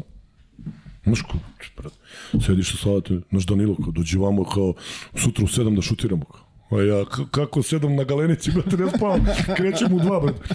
Da se da mu kažeš ništa, znaš ono, Danilo stoji, ja mu bacam i jedna mu ode ovde, samo me pogleda ono. Znaš, ali to je tad bilo, brate, nekako, drugačiji smo mi klinci bili, poštovao si te careve. Vidi, čoveče. ta, bilo ti je čast, brate, da te pozove da mu vratiš loptu. Ej, bre, čoveč. Đorđević, meni sada Đorđević nešto mi napravio, kao malo stavi ruku ovako, je ono. Nisam pravo ruke, bre, dve nedelje, sada Đorđević me pipnuo, razumeš, to su bili, bre, ono, znaš, Željko Bradović se zove, kao je mali, kao idi uđi u igru, ja kao, Gde da uđem, brate, mili, kak, šta da uđem? Ja ušao jednom bio kup neki igrali protiv uh, Tuzle. Tamo bio Mula Omerović, ovo ono. Ja ušao dao prvi koš, pa care stilo, pa to bila svadba na galenici, Borazar. Pa ti nema, pa mi smo šator napravili, ono to pucalo se, bam, bam, ja dao prvi ko. Znaš, nekako, ali drugačije je bilo, poštovo si te ljude, bre, ti klinci, ja ne znam danas kako to funkcioniš, ali ti evo, znaš, obratiti. Ivo Nakić, brate, svaki put prođe pored mene, mora prođe pored tuša i tingi. Čuga, tingi, ja, brate. Ja kao, Ivo, ako šta je bilo? Donesi patike, ja kao patike. Donesi vodu, ja kao vodu. I na kraju, završila se sezona, tad se bilo All-Star meč u Sarajevu. I Ivo kod dođevam, ja kao što je, ajde sa mnom na parking. Ja rekao, voda, stavit ćemo gepak vodi. Ajde kao sa mnom parking. Rekao, pa Ivo, dolazi vamo. Ja dođem i on, brate, car, to je kraj sezona, otvara gepak i kaže meni, mnogo te volim kao mali. I, ovo, i ja, brate, nove, neotpakovane, Russell Atletico, one, znaš, one sa dva lica, tad se to pojavio, čarape, Boston Celtic, po, one biciklističe, po, kaže, ovo je za tebe. Ja, E, ja klinac, bre, čovječe, bre, ono, igru, igru s od patikama, kak je. I ja kaže, ovo, ja ono uzimam. I rekao, nemoj, Ivo, i on, tup, ono, opali mi pogled, ajde, bre, uzimajte. I ja ono uzimam, znaš što on, kao, brate, volim to. On je mene cele godine malerisa, no samo čeka da mu nešto kaže. Mnogo je bilo, mnogo je bilo drugačija atmosfera, poštovala se, brate. Znaš, ti sad imaš Danilo u ekipi, brate. Ti imaš Danila, imaš sve teliko i još profa tu šta koji ti, to sve šta? nadgleda. Ma nemaš da Sala Đurić, imaš, znaš, to, to su... Mi smo bili klinci, Rebrača, Lončar, to su, znaš, bili su mali, ali ovi, ovi isto, znaš, ti šta ti imaš, Sala Đurić ekipe, brate. Znaš, to je pobednik, ti ne možeš da izgubiš. Ti imaš dva cara, Danila i, i da, Danilovića i Đorića, ti šta ćeš? Ti ne možeš da izgubiš. Znaš ti kad mi Željko neko se povredi kao mali, ajde kao da čuvaš Danila kao Brate, čime da ga čuvam? Daj pušku neku da ga ulovim, daj neku mrežu, brate. Ja mu priđem ono kao on gleda. Opali me po rukama, ja ono, šta će, znaš ono nekako, znaš, ne, prosto, znaš, tako se namestilo. Dobro, nije da, ajde, evo, tih o, mladih godina oni su bili autoritet. Baš, vidi, Uh, ja sam i tako do, doživljavao, ono, posle kad, kad sam odrastao, kad sam ih gledao, pretpostavljam ti u tom momentu isto si gleda, ne, ne znam kakav je tvoj doživljaj no, bio, ali... Ali su u zemlji čudove. Znaš, ono, i ako ti kaže vraća lopte, vraća lopte, trči gore, trči gore. Ne da vraća gore, lopte, da. nego srećan ko pas, braću. To nisi mi vodu. Kao, evo, izvoli, ću da ti zagrem. No što, što hoćeš da ti operem? Pa, ja nekako to je, znaš, oni su, ja, ja pre nego što sam došao, ja sam ih gledao na TV-u. Pa da. Što su, znaš, Sala Đorđević, brate. Kapiraš, bre, znaš, Danilović, brate, ne znam, Stragi Stevanović. Stragi Stevanović, znaš ti, kak, ti znaš kakva je to ljudina. Ti igraš ne, nisi ga dobro. E, znamo se, ali nismo igrali, da. Šta ti, znaš ti kakav je to čovjek. To je, znaš, ona, ona ruka, onako, on ti da ruku, brate moj, pomozi mi, e, skoro, slušaj, a, a mene su uvijek gledali kao, znaš, daj bre da mali, idi tamo priče vice. Vlada Dragutinović, to je naš bolesnik čovjek, ja, koji stalno ide prate priče vice. A, a ja kad pričam vice, to je, znaš, to vlada, brate, to je upala tri dana, znaš, tri dana ne trenira. I samo valjanje po. I dan danas, dan danas su mi radi prate pričanike, vice, mladi pričanike. Skoro ja uzim neku kafanu, izlazi njih dvojica. Stragi vlada.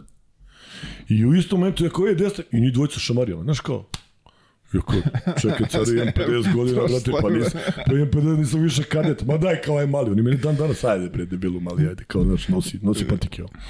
Tako da nekako, znaš, poštojem te ljude, brate, mnogo su mi, znaš, meni to, meni ta Vidi, godina u Partizanu. Uh, ulepšali su detinstvo, ako ne, ništa, Tako, znaš, pa, kao to ja je. Ja sam bio najsvijep, ja sam bio najbitnija faca u zemlju. Znaš, 17 godina, ja kao. Danilović me stavio kola, brate, odemo negde, znaš, kao peramo kola, ja imam Sve ga gledamo. Golf dvojka, pretpostavljam. Sale Đurđić, ne, Danilo vozio džipa Cherokee. Opa. Džipa Cherokee, a Sale Đurđić i Vlada Gutinović vozili CRX-ove, one Honda CRX. To je tada bio Ferrari CRX, on pukao. I Sale me Đurić, Sale živio na Novom Beogradu i mene kao vozi do Zemuna. I odvede me, znaš, ja izlazim Belenici, ono, Sale Đurić. Stripa, ja sam živio za te momente. Kakav bre basket, bre, ne, nisam ulazio u život. E, ja, što sam pravio gluposti. Znaš što, sjetiš ti u pioniru, bilo je ono, bilo je ona, bilo je ona, znaš za gimnastičare, ona rupa pa sa onim sunđerima. Ja mislim da to ima i dan danas. E, e pa moguće. I ja, mi, ja se tu sakrijem, znaš ono, pošto ništa, šta ja, kakva ja košarka, brate, niko ni ne zna da sam u timu, brate. I ja tu se sakrijem i onda nas prolazao i jako. Prato, kao, zovemo ja i Stragi, znaš, legnemo i ono, pravo nas zezamo, ovi gledaju ljudi. Ni uz ovi zvezde, mi cimamo, znaš, kao, nešto, nešto. Tako da, znaš, meni je, meni je cela ta godina mnogo značila u smislu da, da vidim ko su ti ljudi. Tad sam se ja prvi put upoznao sa košarkom. To su ljudi, brate. Ja dete, stragi je. Znaš, ovaj čuva iz stragi. Dobro, stra, da, Stragi je tek posle onako što bi se reklo ra- raširio se, ali... Jeste, da on tad imao 100, 130 kila, ali to je, sveći kako je on skakao, to je životinja, on je trčao 100 metara 11 sekundi, znaš ti, to je, to je zver, bre. On je kido one varene koševe koji su bili zavareni, si mogao o, o, odlomiš ih, o, on ih je čupao. macane, znaš kad kaže, macane, daj mi loptu. Znaš, prosto, em su dobri ljudi, svi, ba stvarno, em su dobri ljudi, em su dobri, znaš, ti si tu naučio kako se stvari, što, što, kako izgleda profesionalna košarka. Ti sa Željkom, on je Željko izašao iz patika i ušao je tamo, nema kod njega, vrate, znaš. To je, jeste, sve smo mi ortaci, ali on će ti kaže i ovo i ono, tim ljudima s kojima je igrao do juče, razumiješ, šta, on ne zna ni kako se ja zovem, ja svaki put kad ga vidim, ja se upoznam, ćao, ja sam Sinđan, bre, nema pojma ko sam. Ali hoću ti kažem da, znaš, da, da meni to mnogo značilo u tom smislu. Znaš, da ti sad gledaš, ja sam sedao tamo na klupi i gledao. Kad se neko, kad neko se povredi, ja uđem kao ajde, nešto, ne, nebitan Da lik. Da, nebitan lik skroz. I sad kao je kao osvojio si, ti si bio ekipi koja je osvojio titul. Kao sam ja ekipi bio. I ja smo osvojili titul, to je sve lepo, ali mislim oni su osvojili. Tad, se, tad su u Evropi skidalo 10 igrača. Mi smo igrali u Fuel Labradi tada, znaš, igrali smo Bravo, Španiju. nije bilo ni 12, a Nije bilo 12. či nisi mogao da... da... Ma, nisam mogao da pa šta, šta ja nisam. A čekaj, putovao si s njima? Ne, Ne, ne, ne, samo 10 igrača. Brate, tad su ljudi, evo sad baš pričam sa Nikolom Ekonom, tad su, krene se na put, treba da se nose lopte u Fuela, bratu. Pazi, mi smo nosili lopte odavde. Brate Đorđević, loptu u torbu, Danilović, loptu u torbu. Znaš, nekako, ja mislim, nisam siguran da to danas rade klinci. Nisam siguran i da to Mislim oni... da se donose lopte i ne nose. Sačekajte tamo gde I dođeš. čak i da treba da nosiš, care. Znaš, nisam siguran da su to klinci koji, koji bi to, znaš, nekako drugačija atmosfera, drugačiji su ljudi, bi drug, poštovalo se nekako, znaš, ono, nije, nisam, iako su bili zvezda, oni su već tada bili zvezde, znaš, nekako je bilo, plašim se da, da je, da je, da je, da su ove nove generacije totalno drugačije doživljavaju košarku. Instagram je ono kao, znaš, Pa vidi, uh, složili se ne, to, u, u, tom smeru ide, te socijalne mreže, to je, to je nešto sad Da, sad normalno i ako to nemaš ti ono, Kakva li je atmosfera sad u slučajnici? Jesu oni na telefonima, brate? Gde su, šta rade, znaš, kako to izgleda sada? pa ja mislim da jesu. Da, znaš kako Ja, ja, da, Tad je to bilo ne drugačije. prođe malo ovaj, završi se utakmica, odmah se tu Da, da, da. šeruju ti neki postovi, dele se slike. Mi to nismo imali tada, ali tako, brate? Pa, Jes, kako to se, telefon, bre, sedelo se čovjeci, pričalo se vicevi, zezanje, oni to, oni mene postave, aj kao, stani tu, car je pričao vicevi, znaš?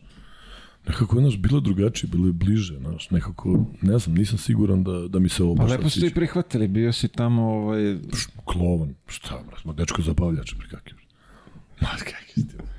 Ali nema veze, meni ta uloga prijela, znaš, me, ja sam general takav, znaš, meni to, bre, ja ovo što ne, šta, kažem ti, ono, ne, i dan danas, dan danas smo mi stvarno i sa Šilobadom, i sa ovim, i sa Dragutinovićem, evo, sad smo se čuli, i Dragutin pre emisije, razumeš, znači, i sa Stragim svaki dan, i, i, i stvarno, i sa Danilom, i sa Aletom se čuje, i Ručko, i ovo, i ono, znaš, stvarno, to su stvarno, to je stvarno čast poznavati te ljude. Nevezano što, što da su oni, oni su dobri ljudi, bre, razumeš, ono, to je, ne znam, Pa vidi, ali sad ovako, kad kažeš do- dobri ljudi, uh, Danila, kad gledaš ovako koga ne zna, arogantan, prepotentan tip, kao Lupam Ibrahimović. da, Evo, kad bi uporedili nešto, ja mislim Danilo i Ibrahim su, Jest, Ibrahimović su to te dve osobe koje, jest, ali od koga sam god čuo ko bolje poznaje Danilo da je totalno drugi čovek. Radi, ja, njega, ja, njega, ja i on imamo stvarno specifičan odnos. Mislim, spe, nemamo specifičan odnos, ali ja njega od prvog dana, on je moj kralj i ja sam njemu kralj. Kralj je moj, kralj je moj. On, ja, je, znaš, nekako prosto s nekim ljudima se s nekim ljudima se ukačiš, on je, bre, znaš, on je čovjek zvezda, ja sam samo tamo neki klinac, bre, mental. Ali nekako smo se odmah zgotivili, znaš, i evo dan danas, stvarno, stvarno, on, on, on, taj karakter, znaš, ti, ti zakucaš preko Sabonisa i kao, šta je bilo, car? Znaš, to je car koji se popegla na kec. Znaš, ti ne možeš Danilom ono kao šta je bilo. Kao. Znaš, hrabar, brate. Da ne kažem, znaš, čovjek ima ono što Da, treba da. da ima svaki muškar. Frajer je, ja to poštujem kod njega mnogo. Nema, ja sam njega jednom zvao, nešto mi je trebalo za pokojnu kevu. Zvao sam ga nešto, rekao, kralju, rekao, treba, znaš ti, to je, to, to, ja nisam stigao da završim rečenicu. Kapiraš, care, šta god, znaš, ne- nekako, tu je, on je, on je meni, on je meni, ono, ta, ta, ta faca, znači, ja bih volao da je, da je svaki, da, sva- da, da, svaki sportista, nevezano za da ima takav karakter. Ti znaš koliko je on trenirao, koliko je on... Ja se sećam, brate, mi igramo završi trening, on mali ostani 200 komada, da, da, da, da, da, on se, on šutne 10, uh, 10, 9, to je nervoza, brate, on hoće da, znaš, 21 godinu ima. Znaš, ti takvi ljudi ne mogu da ne uspeju. Ali on je, i van terena je, znaš, on nije tip s kojim ćeš da, da se zajebavaš. Znaš, znaš, to je to, ti tačno vidiš po njemu da to ono, idemo, znaš kad se popeljaš, to, znaš, to se kaže Sala Đorđević, kaže, brate, ja kad bi se tuku, ja bi njega znao, on on bi došao odmah. Znaš, on je, on je taj frajer, brate, razumiješ, on, častan čovjek po meni, on, ja ne znam, pre, niti me interesuje šta tu sad, znaš, kao, šta drugi, on je prema meni, bre, ono, ja ga mnogo volim. Isto tako i sa Salatom Đorđevićem, znaš, meni je Sala isto, ono, mnogo ga volim, mnogo poštujem, mnogo sam bio srećan kad se ovo sve dešavalo oko, oko reprezentacije, on je čovjek, bre, bio, bre, drugi na, na olimpijadi, drugi na svetskom, bre, i to izgubio od Amera. Za mene je on prvi. Ali opet, kao, znaš, zameramo, kao, ne Da, ne nije to, kao jebate, koliko, koliko je već godina je bio Kao izgubili smo od Slovenaca, što mi izgubili od Ne Slovenaca, pola zlato, tima. kao. Da, što je, brate. I to je taj karakter, to je pobednik, brate. Ti vidiš da je šta je on radio, bre, koji su to koševi, šta je to bilo. Nama, pa ponio s onim košem, nama svima promenio karijer. I, ja sam kad sam bio u Francuskoj pisalo je Branko Sinđelić, ratnik sa meseca, neki naslov novina, i slika, slika Partizanove i te ekipe. Pa To je samo zbog njega, brate. To, to, da Sale nije dao taj koš, da bre, niko ne bi znao za Znaš, on je nama svima promenio karijere. Nama indijancima i ovim svima drugima. Svi su skočile su im cene. Svi. To je sad Danilović rekao, sad kad je bilo 30 godina prosle, Danilo je držao, Danilo je držao govor i rekao, Sala Đurić nije tu s nama, pošto je Sala tada bio ne znam gde. K, ima je neku polufinale ili finale u Turskoj ligi on sada. I kad rekao, kaže, Sala Đurić je nama svima promenio karijere. Mi smo postali prepoznatljivi, oni su postali prepoznatljivi zbog tog koša. E pa posle sa Hrvatima, se sećaš u zadnjoj Da, sekundi, da, da. pa, pa, brate, ti imaš takvog čoveka u ekipi koji je, koji, brate, kida, koji je, koji je rođeni pobednik, brate. Znaš, prosto, mnogo stvari naučiš od njih. I privatno, znaš, ti sad kad sediš s njim, brate, znaš, to je neka druga dimenzija. brate. Znaš, ti, ti, ti, ti, ti ljudi, znaš, ti ljudi ne mogu da ne uspeju. Znaš, znaš, žao mi je što nisu svi takvog karaktera. I kao Danilo, i kao on, kao Stragi. Znaš ti, ja se sećam jednom, brate, igrali mi derbi i neko udari Stragi po ah, arkadom u polopa. Majko ti. E, drugi čovjek. Ti viš on ulazi ovako, brate, ti vidiš da će da, ti vidiš da će slomi obruč u prvom napadu. Ti vidiš da je on ljut ko puška.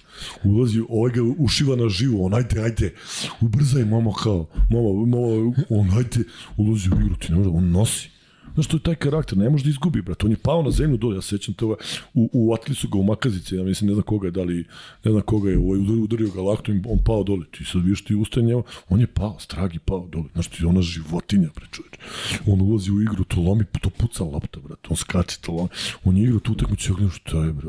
Znaš, to su fajteri, brate. Znaš, frajeri, to, toga više nema, bre. A pri tome Straki Dobrica na lep da ga maš. Stragi najbolji čovjek. Znaš što ja sam čuo za Stragi i za Paspalja, to je to. Znaš. Ne postoji čovjek na ovom svetu koji će za Stragi za Paspalja da kaže da kao, ma kao, to najbolji ljudi na svetu. Ja, ja Paspalja znam, čao, čao, ali, znaš, on je stavio, on je otišao već, ali to, to, to je Stragi.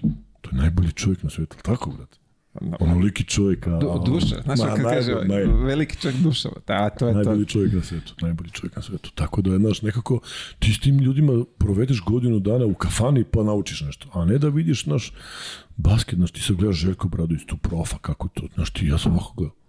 Znaš, ti upijaš svaki, svaku rečenicu. I zato je meni ta godina značila. Inače me upropasilo. Šta ja sedeo na klupi godina, šest godina, nisam mogao da prismrdim. Kako nisam mogao da, da, ovaj, I, I to je taj to je taj početak i onda tu Partizan od Partizana je posle krenulo otišao sam posle u Radnički A Više, ovo, izvini što se prekidam, uh, ja sam mislio da si putovao ti s njima, to je Evropa Ne, kad je bila. 10 ljudi. Pošto Samo znam 10. da je bilo ono valjanje auspuha i, i to da, da su teglili za, beše za rebrač, ali tako?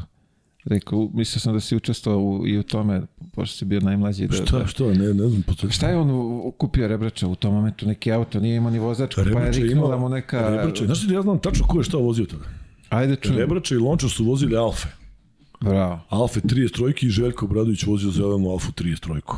Ona uska štopaka, sećam se.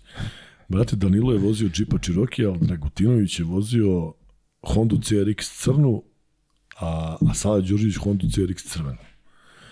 Šilbad vozio Renault 5, Stragi je vozio Audija, ja mislim da je tada vozio Audija nekog ili tako nešto. Znači, i Šara pokojni, pokojni Šara vozio Renault 5.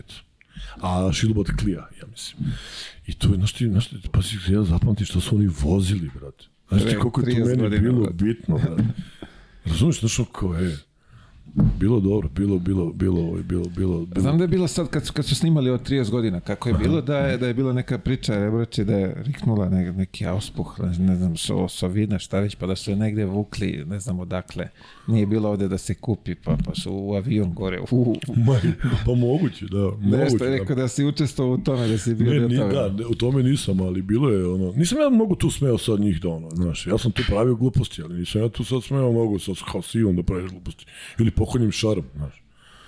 Znaš, ne možeš ti šarap, bio bre gospodinčo, ne možeš ti sad s njim da se ja balavac došao da ih nešto, inače bi ja svašta radio, tu sam ja posle radio svima, znaš, kad god je bila neka frka, tu sam, tu sam bio ja, ali u, u, tad sam još bio klinac i nisam, znaš, nisam mogu, mogu da se, da se širim, znaš. Pa vidi kako je počelo iskustvo s njima, dobro si ovaj...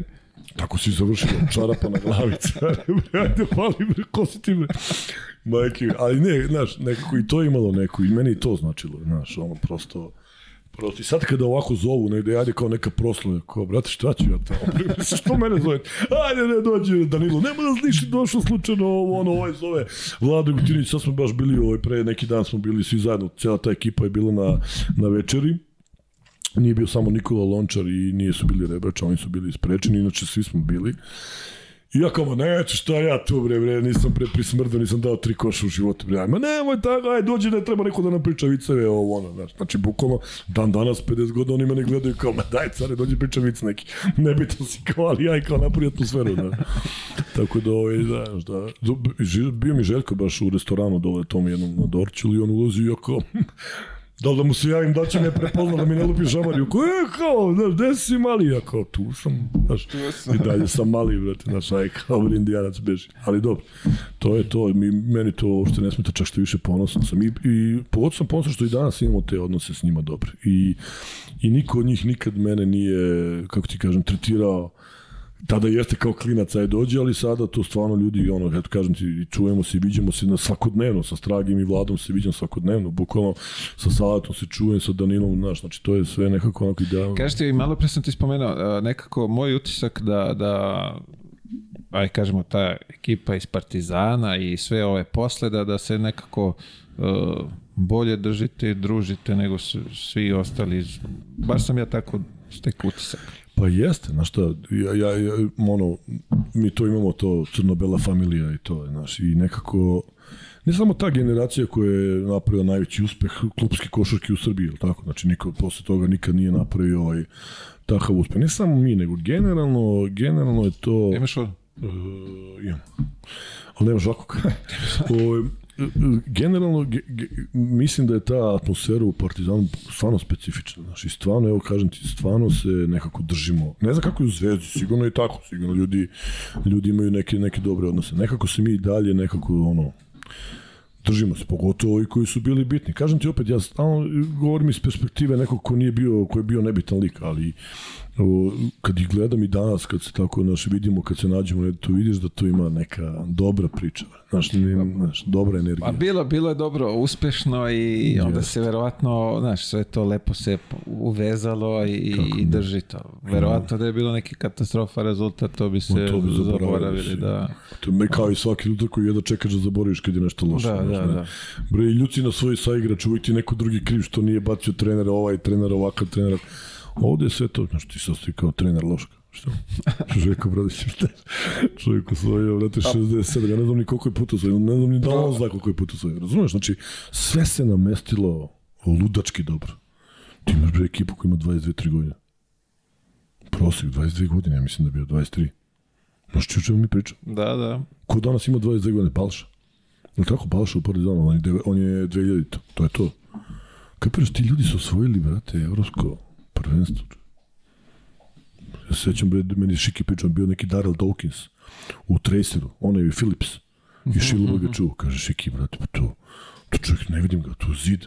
Šiki ga vato nogama dole, sećaš se. Sve, pogledaj taj snimak, Šiki pada kao fao napad i vata ga nogama. Nogama se omoto oko njega, vuče ga za šort, zgrize ga ovoj. Ovaj gleda, ko, ko, je ovaj, bre? Šik je bio klinac, 22 godine. Svi su dali neki doprinos, znaš, nekako ono, klinci, sve se, nam, sve se namestilo ludački, dobro, Bogu hvala. Znaš, i onda salemo na kraju. Ćao. Što bi se rekla, onaj, kako se, jagode na Jest, torti. jest. Ali je, da, da, što kaže, ovaj mora, brate, da imaš i, mora da imaš i šlag i mora da imaš i tortu i, da, da. znaš, to je sve bilo i Treba profa. to i ono da drži dole, ona kako Jest, se i zove. profa, profa, Željko, sve A to je to. to, da. Znaš, nekako se prosto namestilo. I dobri ljudi, taj karakter. Ja ti kažem opet, vraćam se na, na njih dvojicu, koji su naj... Ali imaš ti Ivu Nakića, kojem nemaš ništa da kaže. Znaš, ti to imaš Ivu Nakića koji ne može niko ništa da kaže. I to je Ivo Nakić, brate. Taj, znaš onaj car, ne vidiš ga nigde i pogledaš on dao 20 pojena. Znaš ono u uglu negde stoji, tapa, tapa. Znaš ti kao da Ivo, on kao, molim, ne može niko ništa mu kaže. Kapiraš, imaš ti jedan autoritet, imaš šaru, autoritet, imaš ove klince koji su bili ekstra talentovani, Rebrača, Lončar. Imaš, brate, imaš Koprivu koji je bio iskusan Vlada Dragutinović, oni su već sada osvojili kup sa stare Jugoslavije sa IMT-om. Imaš, brate, Željka, imaš ovu dvojicu zverova, brate. I karakterno jaki ljudi i, i košarkaški jaki. Mislim, znaš, šta ćeš ti? Znaš, prosto se tako namestilo. Ma bre, savršeno. I još ako si bio deo toga, to je onda bre, Bio tek. sam, bio sam toga. Nisam bio deo, samo sam bio toga. da, dobro, ali kažem ti, ja, moja, ono, skoro me pitao neko, kao, kakva je vaša uloga bila? Kakav je bilo? Ja bio konobar, prenosio vodu. Mislim, realno, nosio sam vodu, pričam viceve, bro. I to radim i danas. Znaš, kao Dragutin, kada pre nego što sedneš, ispričam neki vic. Znaš, ja ne sam sednem s 50 godina sa mladom i stragijem dok ne ispričam vice. Znaš. A, ali ovo za čarapu, ovo pa to je, vidi. Pa, bro, tako sam počeo. jako, jako, brate, prejako. Uh, ti posle, uh, pre, IMT, ali tako, posle... E, ja posle idem u radnički, u radnički, ovaj, kod Radnički sa Krsta, tako? Bra, bra, sa Krsta, da, idem tamo, šta znam, to je bilo neka, ono, znaš, tada je bio Gojko Đaković, Žarevu, Čurović, Gagi Nikolić, bila ozbiljna ekipa. Tu nešto, ono, bez veze. Ali ja tu već mene vuče ono da ja prekinem da igram basket, da idem s ortacima. To je već 93. četvrta. Što bi se reklo, tu se lomi. Da, da, tu se lomi. Ja u Partizanu šta ništa nisam igrao, ode nešto tu hoću, neću. Pri tome 17 godina. Da, mislim, da. U, u Radničku sam imao već koliko, do- 18-19, ali to je sad meni bilo kao, ja moram da igram, imam 18 godina, hoću da igram, bre. Znaš, ja igram sa Žaratom Čurovićem, s ovima zverovima koji su legende, razumiješ? I sad ja tu nešto hoću, neću, ja tu jednu utakmicu ne igram, ja kao, ma brate, idem ja s ortacima, tu već krenula kola, znaš, što se rade, ono, znaš kako to bilo nekad, znaš, može se zaraditi, nije bilo loše lova, znaš, to. Ja, ali mene to nikad nije, ja nisam taj karakter da ja tu budem nešto, znaš, ono kao krimi, ali, znaš, okruženje je bilo tako, ja kao, ajde, hoću ovo, ja, onda me on pusti da igram, brate, malo piva, ja kao odigram, ja neću onda, kao neću, onda kao nastavit ću da igram basket, ja sam da prekinem da igram basket skroz, ma kak je basket, ja Da bi, sedim- radio, da bi radio kola. Pa mislim, ono, znaš, nešto A bi se bi se snašli, pa snašli. Ali hoću ti kažem, dve godine ja, ono, tu, sedeo u Partizanu, sedeo ovde, igram malo, sedim, kad me pusti, ja kao igraću basket, kad me ne pusti, ja kao, ma, brate, reći da idem na trening, ja okrenem ove moje drugare, zezamo se malo tamo po kraju, znaš. Međutim, ovaj, završi se neko ta sezona i ja odlučim da ne igram. Kao, neću više da igram, brate, basket, znaš.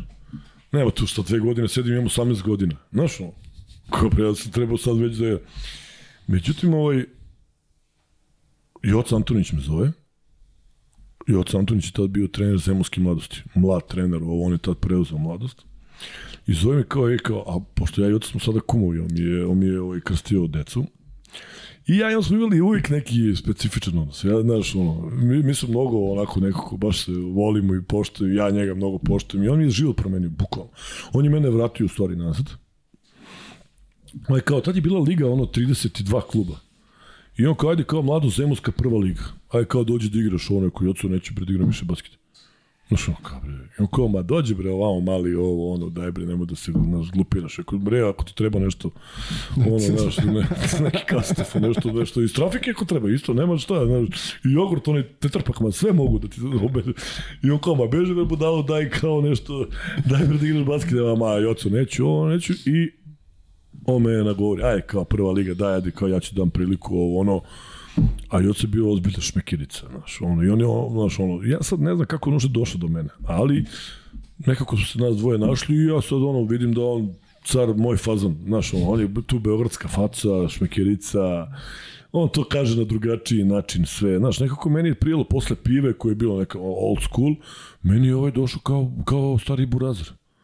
I on kao, ajde bre, matori, idemo, ja, znaš, aj, ja ću. Mi krenemo da igramo ja podivljam, brate.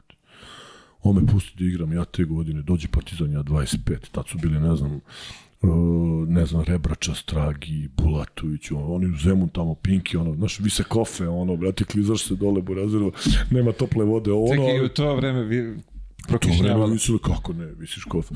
To je bilo onako, ok, ekipa, ne znam sad, ne znam, da, Mo- Momčilo Lavrnić, ne znam da li ti njega znaš, Tarzan Kovačević, pokojni, Branko Mrđan. Nije to bila neka, sad da kažeš, neka imena ekipa, bio Srđan Milonić, on je tada bio playmaker, bio, bio je ono pokretač. I, ovaj, i, I mi napravimo kao neku, neku ekipicu ja, on me pusti da igram, ja poludim. Dođe Partizan, ja 25, dođe ovaj Zvezda, ja 25, dođe ovaj 25, dođe ovaj 25. I ja tu počnem da tripujem da ja mogu da igram basket, razumeš? A pazi, ja i dalje imam 18 godina, 19. Ono, i dalje su meni uši ovolike, mršav, žgoljav, ne mogu da... I ja tu počnem da se ložim, jo, vidi ovo, sad tu do, poče dolaze zemunci, idemo, matori, to se navija, ja najbitnija faca na svetu, stilo, ja tu kao tu moje, tu moj kraj, brate, tu moja braća dolaze. I nekako to sve, naš, i krene. I, i, I on mene bukvalno s onoga, brate, ma daj, idem bre, da, da kradem, i, ajde ovamo da igramo basket. Evo, bukvalno. I mi tu, ovaj, te godine mi nešto izgubimo jednu utakmicu da bi ušli u nešto, ono tamo neki završicu, nemam pojma. I oca kao, ma ajde, kao, vrati, to samo ti igru i kažem ti, podigne me, čovjek me vrati u život. Častio sam ga jedan kastov zbog toga. Oni na izlačenje, znaš? Ali dobro. I zove Miško Ražnjatović. Tad.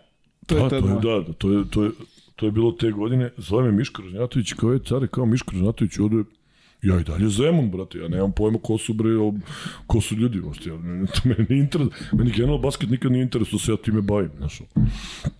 I on meni kaže, e, kao, Miško, ovde, da, ja se kao vidimo, kao ja bi kao da ti bude menadžer, on. Ja, hm?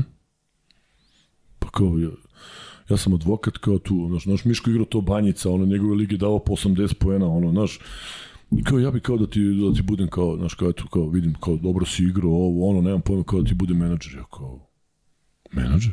Šta je to? Je, to nije posao menadžer. Znaš, to, to Miško, Miško je prvi krenuo, to nije posao. Ja kao menadžer. Ja kao imam menadžer, ja kažem od staciju, kao imate menadžera, i ovaj kao je, kao to, to nije posao, imali futbaleri menadžer. Šta mi bre, još ja indijanac, kao kak ja odigrao jednu sezonu, stvarno sam igrao dobro te godine, ali kažem ti klinac. I Miško, aj se kao nađemo ovo, ono, i meni Miško kaže, ej, kao, pojavio se neki klub, o, Bevuk. Ja kao znam Bevuk je, znaš. Kaže, brate, oni su prva liga, opet, pošto je dve godine do stopce bilo taj, ovaj, ta liga od 32, kao prva liga, prave neku ekstra ekipu, ne, Miša Vukolić, on je, ovaj, on je, on je, ovaj, kao, znaš, ne, privatnik čovjek hoće ulože lovu, voli basket, entuzijazam tu, ovo, ono, kao, ajde, kao napravimo neku priču, kao sa njima, kao da, da popiš sa njih. Ja kao koja ekipa, pa kao ima Deki Milojević, ne znam, biće Savović i ovi klinci, znaš, oni tada bili klinci, Boban, ni, znaš, Boban bio junior. Sloboš Antin Glintić, biće Mića Radovanović, biće, znaš, malo ko skupi kao, isto su klinci sve, sve 20 godina imaju, ali kao, znaš, kao, biće to dobra ekipica, kao, znaš, momci, jaki, mladi, ovo, ono. Ja kao, ajde, pa kao, 110.000 dolara. Pa ja kao, molim? Pa kaže, ajde napravim ugovor kao na dve godine, ne, dve, tri godine, kao 110.000 dolara, kao 110.000 dolara. 95. brate. Čale Keva radili za 8 maraka. Kapiraš, brate? Ja imam golfa keca, brate. Ja kupio golfa keca, jedna guma ovolika, jedna ovolika, ovako kriv auto, brate, nemam prozore, zabijam šacigere. Šta ti imam samo prvu i drugu brzinu, idem, brate, iz Zemura. Ja kažem, koliko? Kaže, što, ti sad sa, sa 110.000 dolara mogu si kupiš, brate, kuću, kuću u Zemunu i pola Pinkija, brate, i Zemunski park. brate, 110.000 dolara. 95. 95. brate, pa to ljudi, ono, brate, rat se završio, brate, ljudi radili za... Ja, ja spustio, čekaj, brate, Miško, bre, šta priča, ko, ko ja? Pa kaže, da, kaže, tri godine po 30-40.000 dolara, ovo ono, kao... I kaže, ali, znaš šta, ovaj čovjek hoće da da keš kao odmah, znaš, kao, kao, znaš, kao, pri popisivanju kao dobiješ za prvu godinu. Ja to nisam vidio na filmu, brate. Kaki 100.000 dolara, brate. O čemu mi pričamo, to, znaš, Klinac, bre, šta sam imao 20 godina, 19 godina. 20. I ja hoću. Kak, da, mi je rekao, brate, mala moštanica, ja bih rekao da te pare hoću. Mi odemo tamo da popisujem i kaže meni, Miša, doći Miša Lakić. Miša Lakić, legenda, brate, čovjek, ono, znaš, I kaže, ovaj, a ja sam išao znao još pre iz tih mlađih kategorija i on meni mali, mali, znaš, ono, znaš, stalno bit ćeš ti kod mene, znaš, katado. I mi, brate, onaj, onaj kafić buli pored, pored, pored hale, one ledene, ledene dvorane pionir. Bio neki kafić buli se zvao. I kaže meni, Miško, je, brate, mi idemo na sastanak, kao ti nema ništa pričaš. Ja ću se predstavim kao tvoj menadžer, ja znam, jo kao važi. Mi ulazimo na sastanak, dolazi Miško Lakić, je, čao. Ej, Miško, kaže, otko ti je? Pa kao, ja sam Sinđi menadžer. I Miško Lakić, man. Pa eto, to je toliko... Mi, Miško je preteča, brate, bio. Znaš, to nije postojalo u košarci. Kakav menadžer, brate? I tu se oni izdogovaraju, ja čutim, naravno, Miško me, ono, Miško me pogoda dva puta, znaš, ono, kao, ti ću mali, nemoj da, i završim ugovor, popišemo mi tu ugovor, oni meni keš, brate, tri konja, 30.000 dolara. Ja u golfu ovako gledam, stavio na sve, ja ovako digu, digu i seo ispod, rekao, neko će me marno, 95-a, brate, neko će me marno na semaforu tu, znaš, kod, kod saobraćanja, brate, u zemanu. I ono, ispod idem kući, ne znam šta se desilo, brate. Došao kući, bacio lovo na story, koji je tri konja dolar, čale me gleda, jebeni, je, šta si radio? Znaš, ono, kao šta, kako keva gleda, pre, tu se puni frižider, odmah, bre, to ne možeš da veriš, to je bilo opšte narodno veselje. Znaš, ti, to, to mi je, znaš, to je, meni je Joca Antonić vratio život, a Miško me, Miško mi je, ono, kao, pa evo izvoli brate, ja sam bre ono sve što je sve što je bilo za oštavština ćalike, to neki dugo pa kupio sam patike brate, znaš kupio sam ovo, kupio sam ovo, to je, tabe, to je toliko bilo, znaš šta, nije bilo love, znaš ti sa 30.000 si bre bio bre hađija, šta, šta je tamo bre, otvorio sam deltu, znaš ko Miško vidio sam, brate. 30.000, znaš šta je to to bilo? I tu je ništa Beovog bilo super ekipa ludaka. Dobro, isto da, da. Znaš ti kako to je bilo? Specifična grupa. Pa kako, pa to svi, da, da vidiš ti sliku s Koponika s priprema. Mi smo otišli na Koponik mesec dana bez lopte. na sud. Brate, mesec dana bez lopte. Pa znaš šta, pa ko nije mogao da digne bench 130 kila, pa, pa Gila nam je bio pomoć trenera kao Gila je dizo 160 kila, Gila zna. Pa ti ne znaš, to su mare, to su frizure Tarzanke, znaš ono, Deki Milović, znaš kakav je Deki kao Rambo, brate, ovako stoji, Slabo Šljivančanin, brate, znaš kakav je bio Da, slaba, slaba. slaba zver, brate, ovaj, ovaj, tu svi dižu tegove, to mi, mi bilderi, brate. Kakav basket, mi bilderice svi, brate, ne možeš da veruješ. Idemo u teretanu, to jutro, no, nema veze s basketom. Mi zadnji dan na Koponiku dovedemo Panionius. Ili pa, ne, da, Panionius kao da igraju. Tuča prvi minut. Prvi minut. Ovi ljudi idu mi na, brate, sekire, to pucaju lobanje, ovi gledaju crnci, šta je ovo, to fight, brate. Nemaš da vidiš, to je ta ekipa, ali je bila neviđena grupa. Tad je Saović, mali bi Saović, znaš kakav je Peđa Saović, kao životinja, brat, znaš ti ono. Bili smo mnogo jaki i mnogo smo bili bezobrazni, znaš, to smo tukli, to ne, ko, ko prođe, kao, znaš, kao završeno utakmice, kome smo polomili ruku, nikom, ej, ej, kao smo izgubili. samo gledali koga da ubije. Jeziva ekipa, mnogo jaki, on to samo te... Pa ne, to divljaci, divlje to, znaš ti. Ja onda de, odem po Deki Emilović, Deki je živio kod babi i dede na Galenici, na ome tamo kod na okratnici petestice, ja dođem po njega, golfom kecom, to sam ja stvari možda, ne, da, golf kec, odemo po džileta i onda nas trojicu sanjšamo, znaš, slušamo u kolima, to je krimi, to su kajle se nose, znaš, 95. klinci ušli malo u lovu. I to završimo super i onda posle toga ništa peo Petrol, isto Miško. Kao Tu već kreće malo, što bi se reklo, kre- da, tu, tu se sad se smanjila liga na, ja mislim, 15-16 klubova i tad je isto bila prva liga i to kreće ono, sad tu kreće ozbiljno sistem, Beo Petrol, bio onaj Kundak, pokojni Kundak, on je bio tada predsjednik, on je bio nešto u julu, pa je on tada ovaj, on bio predsjednik kluba Nafta, Beo Petrol 90, ja sam bio u Beo Petrolu 96. do 2000. I tad je Kecman se pojavio, klinac tu iz kraja, ono mali, on tu već se videlo da će onda bude, znaš, Žareča Barka pa bude do dođe, pa ne znam, Luković, Matori, pa Rade Milutinović, pa bio Koprivica kod nas, pa Preković, pa Velimirović. Bila su pa dobra Pre- imena ta, da. Sećam se ja, sam malo uhvatio to te 99. 2000. te ono, u vršcu kad su dolazili tu. Vidi, o, ozbiljno, Da, sad da pogledamo imena, To je, da. to, to je nama, nama je došao Mikan Grušanović, znaš. Mislim, znaš šta, liga je bila drugačija. Šta ti, znaš, ti, ti sa tada u ligi imao i Berića, i Tomaševića, i Topalovića, i Topića, i Mikana Grušanovića, i Lukovića, i u Zvezdi Gilić, i ovi, i, i Vitačić, i to su bili, bre, znaš kakva je to liga bila. Ti, bre, odeš u Šabac. Šabac. Začekajte Mikan Grušanović, brate. Ono, naša kriva ruka, naša saobraćajka njegova, ono, kriva ruka čuje, brate, dati 50. Čovjek ne treba. Mikan Grušanović, čovjek dođe s traktora, brate, kaže, a kao, kao igramo, s kim igramo danas? Beo Petro, dobro, kao, daj loptu. 50 bio mali Srđan Đurić, Manjenčić, Negovanović, to je, brate, odiš, odiš u Spartak.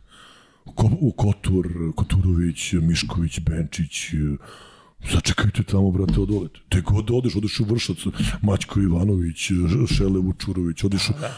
Brate, te god odeš... Odeš te... ono Leskovac, sačekate Žuća i ekipa. Žuća, Bizon, ovaj... Brate, te god odeš, to, to jeziva ekipa. Odeš dole u, u Crnogoru, ono, Lovćen, brate, te imaju, imaju, imaju semafor tri brzine, brate. Igra 6 sati, brate, dok, dok oni ne pobede, brate. Znaš, Ti jesi bežao nekad u tunelu? Kako ne, pa ja sam, mi tamo slomili nos, bila ozbiljna šorka. Ozbiljno? Da, kad sam bio mladost, Semonska. Bila ozbiljna pegla. Pa što te gađaju kako igraš zimi, pa to ti ne gine, brate, ledenica kruta, to ne gine, neko bolje prođe samo s flašom kisele, znaš ono, tu, tu, igraš u cetinju, sede buraziri, ono, brate, kajle i ono, znaš, što je bilo mali, deda daš ko... Pri hala minus stepeni. Minus, brate. A, a semafor tri brzine. Kad oni vode, znaš, kad oni vode, kad oni gube i kad mi vodimo.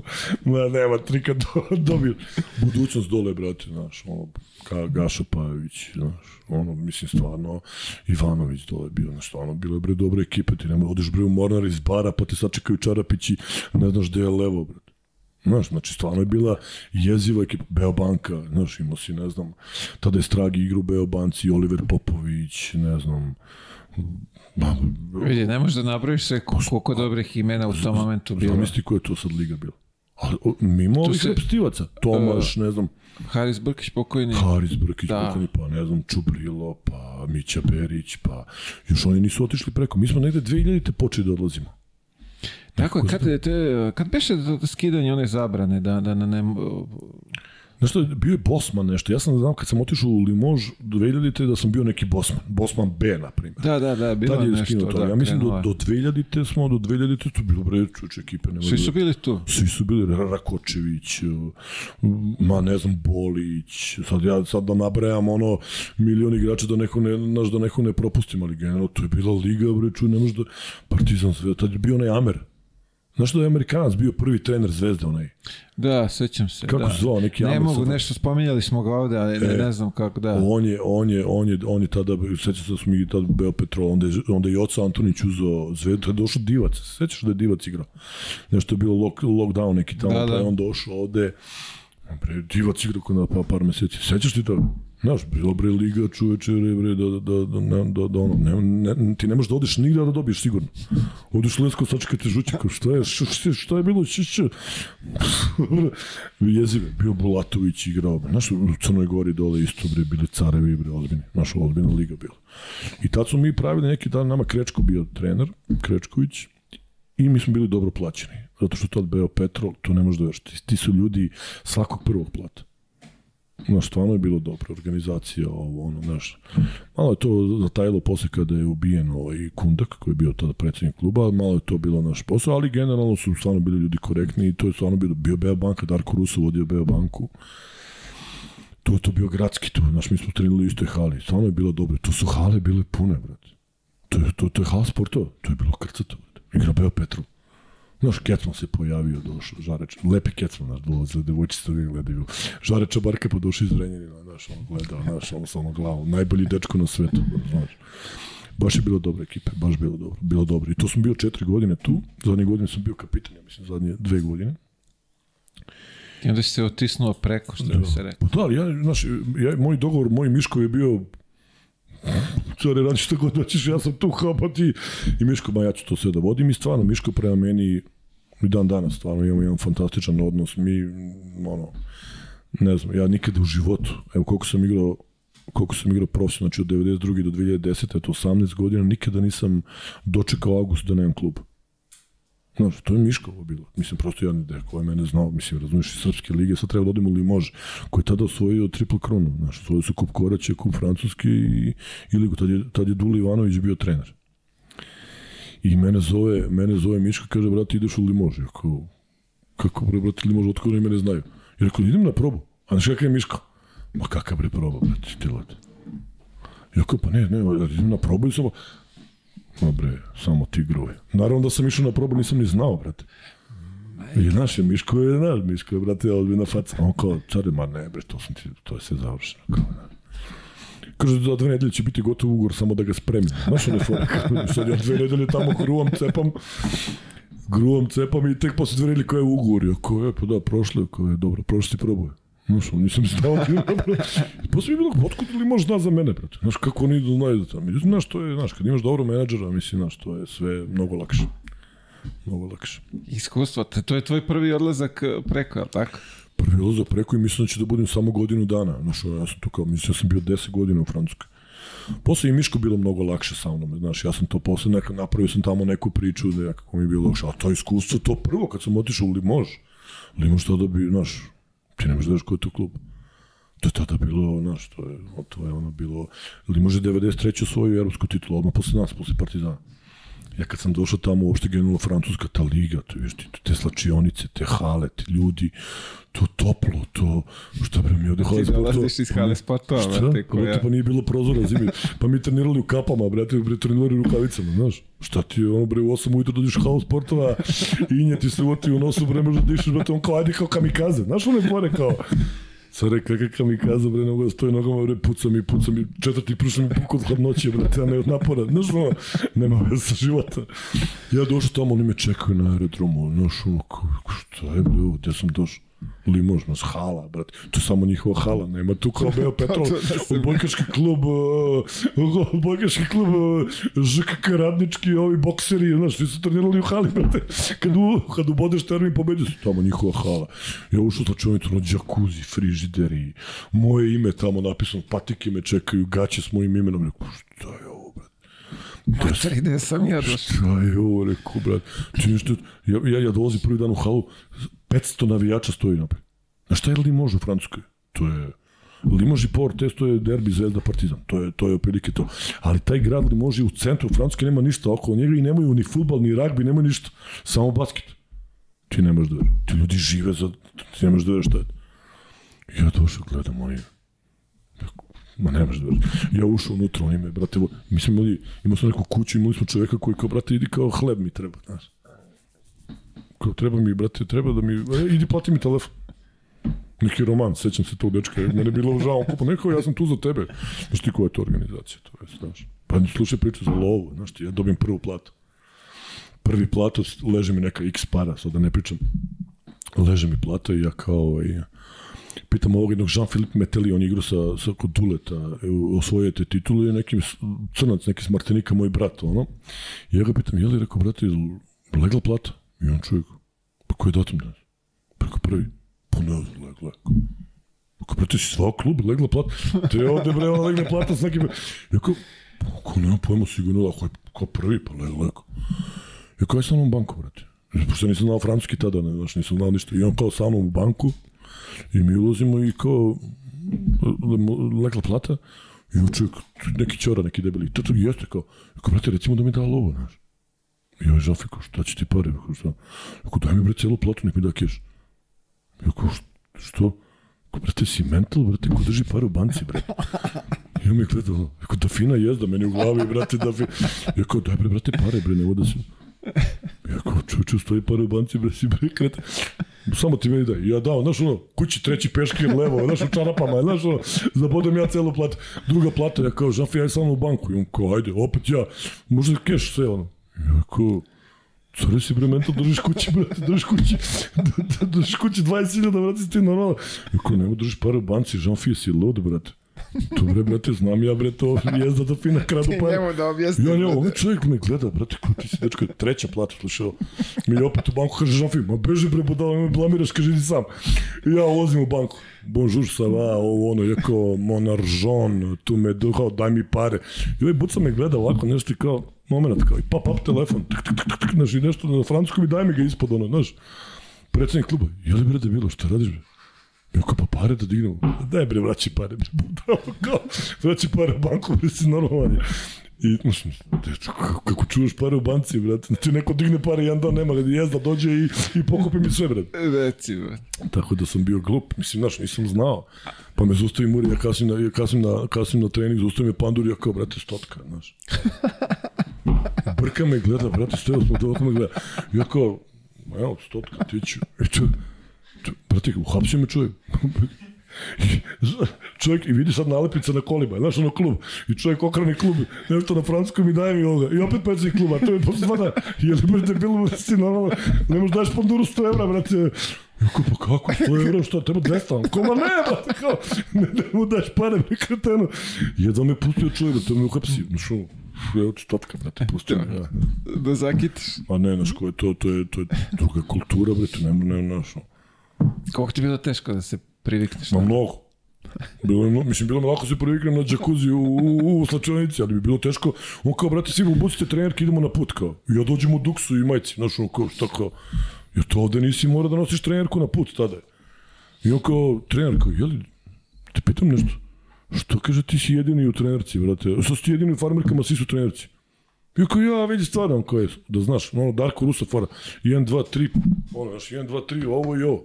I kao, što je to, pa 1000, 2, 3, 5 i 10. To su ti kazne, kao, ti si ovo. Ja kao, šta bre, 10? Pa kao, kažem si, 10 ti. Ja zovem Miška, Miško, oj, hoće da mi uzme pare, Miško završio, brate, nije mi ukazano juče, brate, nema profesionalizam, brate. Tamo te niko ništa ne pita. I tamo nema alo bre mentolu, znaš da ti trener se obraća kao alo bre kretenu, alo klempavi, znaš to tamo nema, brate. Znaš to je drugi. Meni je bio trener Didier Dobels, on je radio sa Božom Markovićem kad su bili prvaci Evrope. Znaš ti ko je to nivo, brate, ti ne, ti, on ne priča s tobom. Znaš ono, svi rade svoje, plata na vreme, ti dođeš na vreme, ovaj te masira, ovaj te ovo je. Ja ušao da se masiram, ovaj, ovaj vadi fizioterapeut neku kremu, kaže, evo izdepiliraj se. Kažem, care, šta da radim? Ja sam s galenike, sam rekao. Da se vratim u zemlju depiliran s tim, no, pa jesi ti, brate, normalno ne On kaže, pa neću ti, kaže, masiram. Kaže, isu depiliraj bar noge. Preko šta da budem dole čostav, da budem gore od laka. Preko, brate, ti normalno. Ja kažem, ma neću. Nećeš, brate, nasuo mi. O, oblepio mi ono, znaš. Ono, na, onaj, onaj sprej, si, bandažirao mi noge, brate, skidao sam noge u, u, u lavnoj vodi, brate. Skidao sam bandaže 10 dana, pola kože su skinuo. Brate, to, daj, brate, da se izdepiliraju. Znaš, nekako drugačiji fazon, brate. Ti njemu kažeš hoće masažu, on dođe masirati. Ovde pitaš Gibu daj masažu, Gibu te gleda, nemoj da ti prije. Razumeš, znači nekako drugačiji je, totalno drugačiji sistem. Hale, uh, uh, publika, znaš, mi damo koš, oni bravo, oni daj koš, bravo, znaš, to je pozorište. Znači, nisam navikao na tako neke stvari, znači, meni je bilo ono, šta je bre, Ovde, ako te neko ne vređa, kao nije pro, propalo. Pa mi odiš, brate, pa ja sećam, odiš u šabac, brate, to je ovaj prvi red do klupe, pa to nosiš kišobran, brate, kad bilo, plju, plju, plju, brate, posle, kakva korona, bre, pa ti dobiješ sve žive bolesti, brate, pa on te zabode, brate, pa to nema te kad te ne uđe u oko, brate, pola utakmice igraš ovako, bre, ovo te za, zabotiš lajmarice, stela, kraljevo čačak, to, to, to, od mame, od mame, bake, prabake, koze, dede, tetke, sve ti izvređuju, brate. Znaš, kakav. Tamo ono, znaš, pozorišna atmosfera. Bravo. Izgubiš, bravo, dobro ste, borili ste se. Meni dođe Branko Milisavljević, Zeka. Dođe sa mnom u Limoš drugi godin. Ja im gledamo šta je bre ovo. Ja kažem Zeko bre lagano. To mi, mi smo lupali stolicu, izgubiš utakmicu, jeba, tuđeš u su ono bre, polupaš stolicu, nervozan si. Ovi Ameri, slušalice, Francuzi. Ja bih kažem, zeko izgleda smeti, jedini da bili, bre, ovde, bre, brate, mi, mi poje, po, pojeli, brate, pojeli patike, bre, od nervoze, znaš, izgubiš. De ovde, brate, izgubiš, jebote, ne, znaš, bre, ono, ne, ne možeš da večeraš, bre, tri dana, bre. Znaš, sam sebe kazniš, znaš, nekako su mi drugačiji me, tako, brate, ovde kad igraš, izgubiš, bre, ovde, ne, ne, da, da. oni tamo, znaš, sam, brate, Ameri, sluške i, brate, ma, boli. Posao, vidimo da, se sutra. Ma, posao, vidimo, ne se nerviraš. Biće bolje. Tako da mi je bilo teško sa navikati na tako neke stvari. A i drugo, znaš, tamo a, Francuska crnci, tad bio on Boris Diaw, bio braća Pietrus, Tony Parker tada završao, znaš, to je mu bilo poslednje godine u Francuskoj. Crnčug je sve, brate, to leti, burazerom moj to, a ja, ja nisam zakucao, brate, u životu dva puta igrao centar. Znaš, već ja, oni lete. Ja rekao, ma, brate, ovo godinu dana, Međutim, oni mi produže još jednu godinu. I produže me ovako, i produže i tamo još onda popišem još četiri, pa još dve, pa još dve, i onda nekako, naš, deset godina. Meni je bilo idealno s tim ludacima da igram. Čekaj, a u Božu si bre tamo, ono, Jeste, da, u, ugledni građani. Tamo zovu, Gledaju te ko boga. bre. Jeste kao, tamo zovu gradonačelnika, ono. Pa znaš šta, ti ljudi su me baš voleli, znaš, nekako to, četiri godine sam bio tamo, mi smo napravili najveći uspeh u istoriji kluba, tada. ja sam tamo bio ono kapiten i napravili smo, tamo je sad Andjušić igrao, to je taj klub, znaš ovo Burgom Brest, to je sad je Andjušić došao. Ovaj, to je neko malo mesto, brate, bili smo onako, na sredini, pred dno. Dođe Fred Sar, on je bio trener uh, Panaten, ovaj, trener Porteza u, kad su igrali ono Euroligu, nemam pojma. I on dođe kod nas u klub, ovo, ono, ja i on napravimo dobar dil. On meni kaže, brate, ti to, slačionica, gruva je ovo, ono, ja ću ovde, ja i ti ono, i on, znaš, izvali da sam ja tu, znaš, bio sam, kako kažem, bio sam uticajan, znaš, na, i navijači me voleli, i uprava, i generalni menadžer, sve nekako se vrtelo oko mene, znaš. I ja to nisam zlopotrebio i stvarno sam pomogao tom Fred Saru. Stvarno, stvarno smo napravili vrhunski uspeh, igrali smo tada finale, finale, one sa Men's de igrali smo, stvarno smo igrali dobro. Mi smo bili, prvi smo bili tipa 10 ili 7-8 utakmica do pred kraja ligi, bili smo prvi igrali. To je prva pobeda, prvi play-off, prva pobeda, prvo finale, znaš, stvarno smo, i tad je Boban Savović igrao samo tamo. I tamo su me zvali mer, zvali su me gradonačelnik, ono, znaš, tako, da, stvarno sam, ono, dan danas me zovu tamo, znaš, tu mi je, tu mi je najlepše četiri godine u životu. Tu me Miško zabao i rekao, care, ne diram te odavde i stvarno mi je bilo mnogo lepo. Znaš, napravili smo dobar uspeh i to mi je stvarno, ovaj, to mi je stvarno četiri najlepše godine u životu. Tu. A, kako se zove, a... Ima tu nekih raznih anegdota iz, iz tog borza. Ma ima, da. Ma mislim, ja sam uvijek bio kreten. Znaš, ja, tu sam ja Vuko Bobana koji je znaš, fin dečko, ali i on ima, i njemu fali neka štangla. Pa na šta smo radili? Znaš, ja sam tu, tu bio toliko moćan da sam mogao da radim manje više to. Ja sam tu smenio trenera 2008 došao neki car, ono, posle tog Fred cara mi napravi najveći uspeh u klubu, došao neki klinac, nešto počeo na meni da se, znaš, kao, alo ti, ono, kao, pridruže. Ja god u kancelariju, tako da razgovaraš sa mnom. Znaš, imao sam nekog generalno, on direktor, brate, ili on ili ja. Znaš, tu, tu sam stvarno imao dobru poziciju i stvarno sam i zaslužio. Tu sam bio, ja mislim, tad, tad je bilo, ovaj, tad sam imao, na primjer, bio sam, ne znam, drugi ili treći strelac uh, ovaj, te godine, pa ono, znaš, kao All Star, pa ovako, pa onako, znaš, te, ti, ti godine stvarno je to bilo okej. Okay. I Mogu sam da nešto hoću. Imao sam neku, fi- imao sam neku pomoć od trenera koga sam zaključavao u veš mašine. Znaš, one fore, pa sam... Znaš, stalno sam pravio neke gluposti. Znaš, i, i onda je nekako, znaš, toliko je to bilo, ovaj, toliko je to bilo, toliko sam imao dobru poziciju da sam imao anegdota milion. Znaš, ali sve Te bilo... se čuo da si ga zaključio u kasetu u slačenici. E, ko ti to rekao, Boban? Ko ti. Pa da, njegov, njegov sam baš maltretirao. Zato što je bio smrda, sve pronosio iz slačionice. Znaš one pomoći, tre, što sam znaš gledao, onako ko pacov, neki onda ode. Ja to izvalim par puta i onda maleri se, pa na šta sam uradio, znaš. Čekaj, kako si ga uspeo da ga naguraš u kasetu? Pa ne, ja samo kažem uđi. To je, to je bukvalno dok došlo. Aj uđi. On kao, pa Branko, rekao, ulazi unutra, brate, što brže uđeš, brže će da izađeš, znaš. I onda uđe, onda, onda on kuca, i ode na trening, njega nema, brate. I ovaj pita trener, gde je ovaj? Znaš, ja kao, nemam pojma. On u kaseti, znaš ti kako ona uska kaseta, ono on se jedan, otvaraju ga, on kolabira čovjek. Znaš. Pa nešto sam njemu, njemu sam, odao mi negde na put, znaš, neka utakmica, nema pa i sad tamo u Francusku oni hoteli ko u Americi, znaš ono isto ima na terasa, znaš ono, s polja se ulazi on. I ja i Boban Savić gledam i kažem, brate, moram nešto mu namestim, nervira me. I kažem, brate, daj mi ključ njegov, od, ukradi mu ključ sa stola od sobe njegov. I on ukrade ključ i ja mu, brate, iznesem celu sobu na travnjak. Znači, krevet, tepih, ormare, televizor, sve kako je gore u sobi, tako mu iznesem dole na travnjak. Brate. Sad ovako našao, bukvalno sve, brate, bukvalno ormar, sve, sve mu iznesemo dole. I on čovjek ulazi u sobu i Znači, ja se uštakam, ja i se uštakam i on gleda. Nema sobe, brate. Znaš, lampa, lampa, telefon, sve mu stoje, sve mu stoje dole na travnju. I čovjek gleda ovako, gleda, okreće se i ovako pogleda dole, ono, soba napolje, brate. Ali kako je bila nameštena ovde, tako je bila nameštena i dole. Sve je na tepihu, sve stoji namešteni jastuci, sve, ali napolje. napolje. Gleda, znaš, nije mu jasno. pa ja i Boban uđemo ispod kreveta, ukrademo mu negde sobu i uđemo ispod kreveta.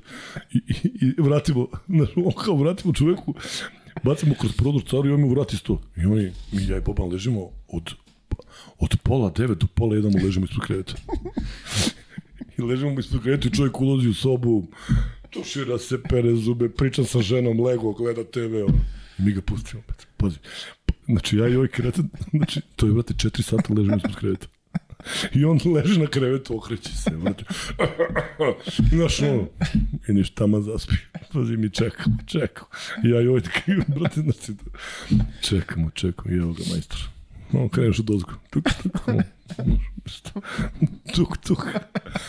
Pa to je, to je, i onda, di, brate, zalepili smo govorili, znaš, to, znaš, to je strahom čudni, to da priča s nama, te od odi iz kluba, ono, kao, znaš, tri ujutru ti neko krevet, ono, džara, ti sad, znaš, ali tako, znaš, to je sve nešto, ono, Da, a, bilo, brate, bilo a čekaj samo kak, odakle, brate, ideja da izneseš celu sobu čoveku napolje.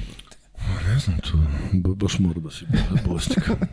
Pa ja imao sam te fore, sad sam se još i smirio, ali imao sam te, te kretenske fore, preparkiranje automobila, ko pa, znaš ono, ko preparkiram u auto, znaš ono seljački fore, pa i on izađe napolje, ko jo, gde mi auto, pa daj bre, došli si busom, znaš ono, ko jo, da, znaš, to je taj nivo. Bilo je svašta, bilo je, ovaj, dobro smo se zezali, dobro, da, bilo je dobro, s Bobanom je bilo super.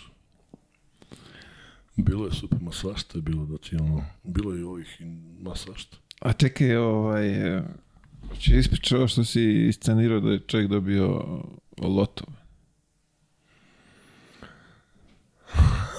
loto. Otkud za tebi to? Ko je to rekao? I znam, znam ljude koji znaju ljude. Ne, stvarno? Pa ne, do, ne, to je, to je, to, to, to da me tuži, brate. To, to je infra, brate. To, znaš, čovjek dobio loto, brate, kada je častio i to, to. Ma da, on stalno igra iste brojeve, znaš, one fore. I u nekom kafiću tamo pored kluba i mi sad ono, on gruva isto, isto stalno, znaš, bežimo na utakmicu. On kao, čekajte, čekajte, sad će loto, znaš, stalno je bio nekoj, znaš, tamo je neki evro milion se igra u celoj Evropi, tu su neke cifre 85 miliona nagrade, 100 miliona nagrade. I on je stalno, ja zapamtim, vrate, znaš, zapamtim te brojeve, to je već, znaš. Ali ja mislim da to neko radio i ovde i, i ništa kažem ovom konobaru, rekao, brate, molim te, samo pošalje poruku, kako konobar, brate, molim te pošalje poruke koje su, znaš, i on pošalje poruku njegovi brojevi. A mi išli, ja mislim da smo išli za Leman. I, ovaj, I mi u autobusu sad išao tišina i čuješ, aaa, dere se baje, mi kao šta jao, brate, znaš, 100 miliona, ovaj mu pustio poruku, su prošli njegovi brojevi. I to mi ulazimo u Le Mans čovjek, brate, to, to je delirno, to se zove Ćale, Keva, tetke, strine, to, znaš, to. Čovjek čašćava sve živo, vozi, mater, i, znaš, idemo to večera u Le Mans, to cela ekipa, znaš, po 10.000 evra, brate, znaš, ovo pet soma račun. On to, ma nema, nemaš, čovjek ne može da igra, brate, znaš, pa ja sad ne govorim treneru, svi sad istripuju da je stvarno dobio, razumeš. Brate, kad je on izvalio, brate, ne, ne, ne, brate, događa me, brate, flašama nekim da poludeo čovjek. Debilu je, kako, pro, prosto nije mogu da provoli kako ovo je, znaš, no, i ovaj mu, konobar, te dobije konobara, je. I konobar, rekao, nisam ja, brate, on je, ja. ne, ne, ne, to on je baš, ono, baš, smorio bi. Znaš, dobio 87 miliona evra. Na pola sata. Dok je bio u busu. I zove, jebati. Ali da, bilo je svašta. Bilo je svašta. A da, znaš, proti kaže, ja sam pola zaboravio. Majke mi, znaš, mene pa tako, evo, ja ste podsjetio. Mene tako da podsjetio kao, da. Ma, da. Pa sam ukrao autobus, znači, znaš, to, to, u, brate, bus, ono, mi svi spavamo, znaš, znamo, imaju autobuse sa krevetima. Svaki ekipa ima svoj autobus, imaju krevete u autobusu. Znaš, umjesto sediš, imaš krevet i sad svi kunte. I sad mi iz Teza treba da imamo za Burg, to traje 10 dana, brate, put traje 20 sati. I oni u busu i ja ne mogu da spavam, gledam neki filmovi i staje bus. Ja kao, šta staje ovaj čovjek ono napumpao toalet. I ja, brate, u, u busu, vum, vum, i krenem, brate. I odvezam u bus. Odvezam. Nisam ja nešto mnogo, pomerio sam ga možda 200-300 metara. Pazi bus, vum, vum, vum, znaš. Ovi spavaju, cijela ekipa spava, trener, svi hrču, a ja, ja drajvujem, brate, po autoput. Brate, skandal. Čovjek, čovjek sam mislio da je neko ušao u bus, da nije neko od igrača. I čovjek trči, brate, izlazi i vidi bus. I ja ga vidim u retrovizor, debeli, ovako trči Francus s onim brčićima, trči čovjek, ja ono, pa stanem, znaš, pa zakočim. Pa on tamo da ja tamo krenem. I ja, ja sam ga cimo jedno kilometar, brate, čovjek ušao, infrat, brate. To ovako se treti, tek, tek, tek, i kad je mene video, brate, budi trenera, ovaj debil, mi ukrao autobus, on, što se budi, šta bre, ko će ukrao autobus? Ma ne, svašta je bilo, znate, svašta je bilo. A, svašta, ma uvek sam naš negde, ono. Pa imao sam, neko, imao sam igrača, slušao, imam igrača, čovjek, mi na treningu, ono, igramo i on čovjek podbaci trener loptu na treningu i ovaj uzmi zakuca na naš koš, brate. I kao, daj bre, care, ono, znaš, ono, ko došlo do njega, a on, neki Andrew Hunter, brate, liku skaku čovjek, neka, a znaš, ono, crnačka faca, ono čovjek ne zna gde je došao, ali skače dva metra, bre. I tu mi na treningu nešto i on čovjek, i na naš koš, bum, bre. Ja kao, da bre, bre, debilu, bre, ovo, bre, napadamo ovamo. Sutradan utakmica. I on počinju petorci sa mnom i ja debil, prilazim i njemu kao, Andreju, ja kao, ja kao, ne, ne, ovamo. I viš on, sad već vidiš ne znam te napada. Pa si bre, čovječe, bre, čovjek ide za lovu. Ja kao, ovamo, ja kao, okej, okej. Ja kao, ne, ne, ne, ovamo on. Kad smo imao, brate, podbacivanje njemu, pa na naš koš. Danke, brate, 2-0 zove. I, i ja pogledam trener, trener me gleda ovako. Ja, ja sad izvedio, rekao, pa se čovjek zakucano se utak gde si da ljudi. Ja, znaš kako sam ga zbunio, da, jer on je dan pre toga pogrešio. Ja mu kao, Andrew, Andrew, ovamo, kao, ja kao, ja kao, ne, ne, ovamo. On, a? I za, ja, on već podbacuje, gotovo, nemaš sad da skapira gde se zagreva, brate. Znači, brate, pa kao, da, stalno neka bilo neka A, a čekaj, ovaj, putovali ste na, na, na utakmice tamo kolima, je li tako?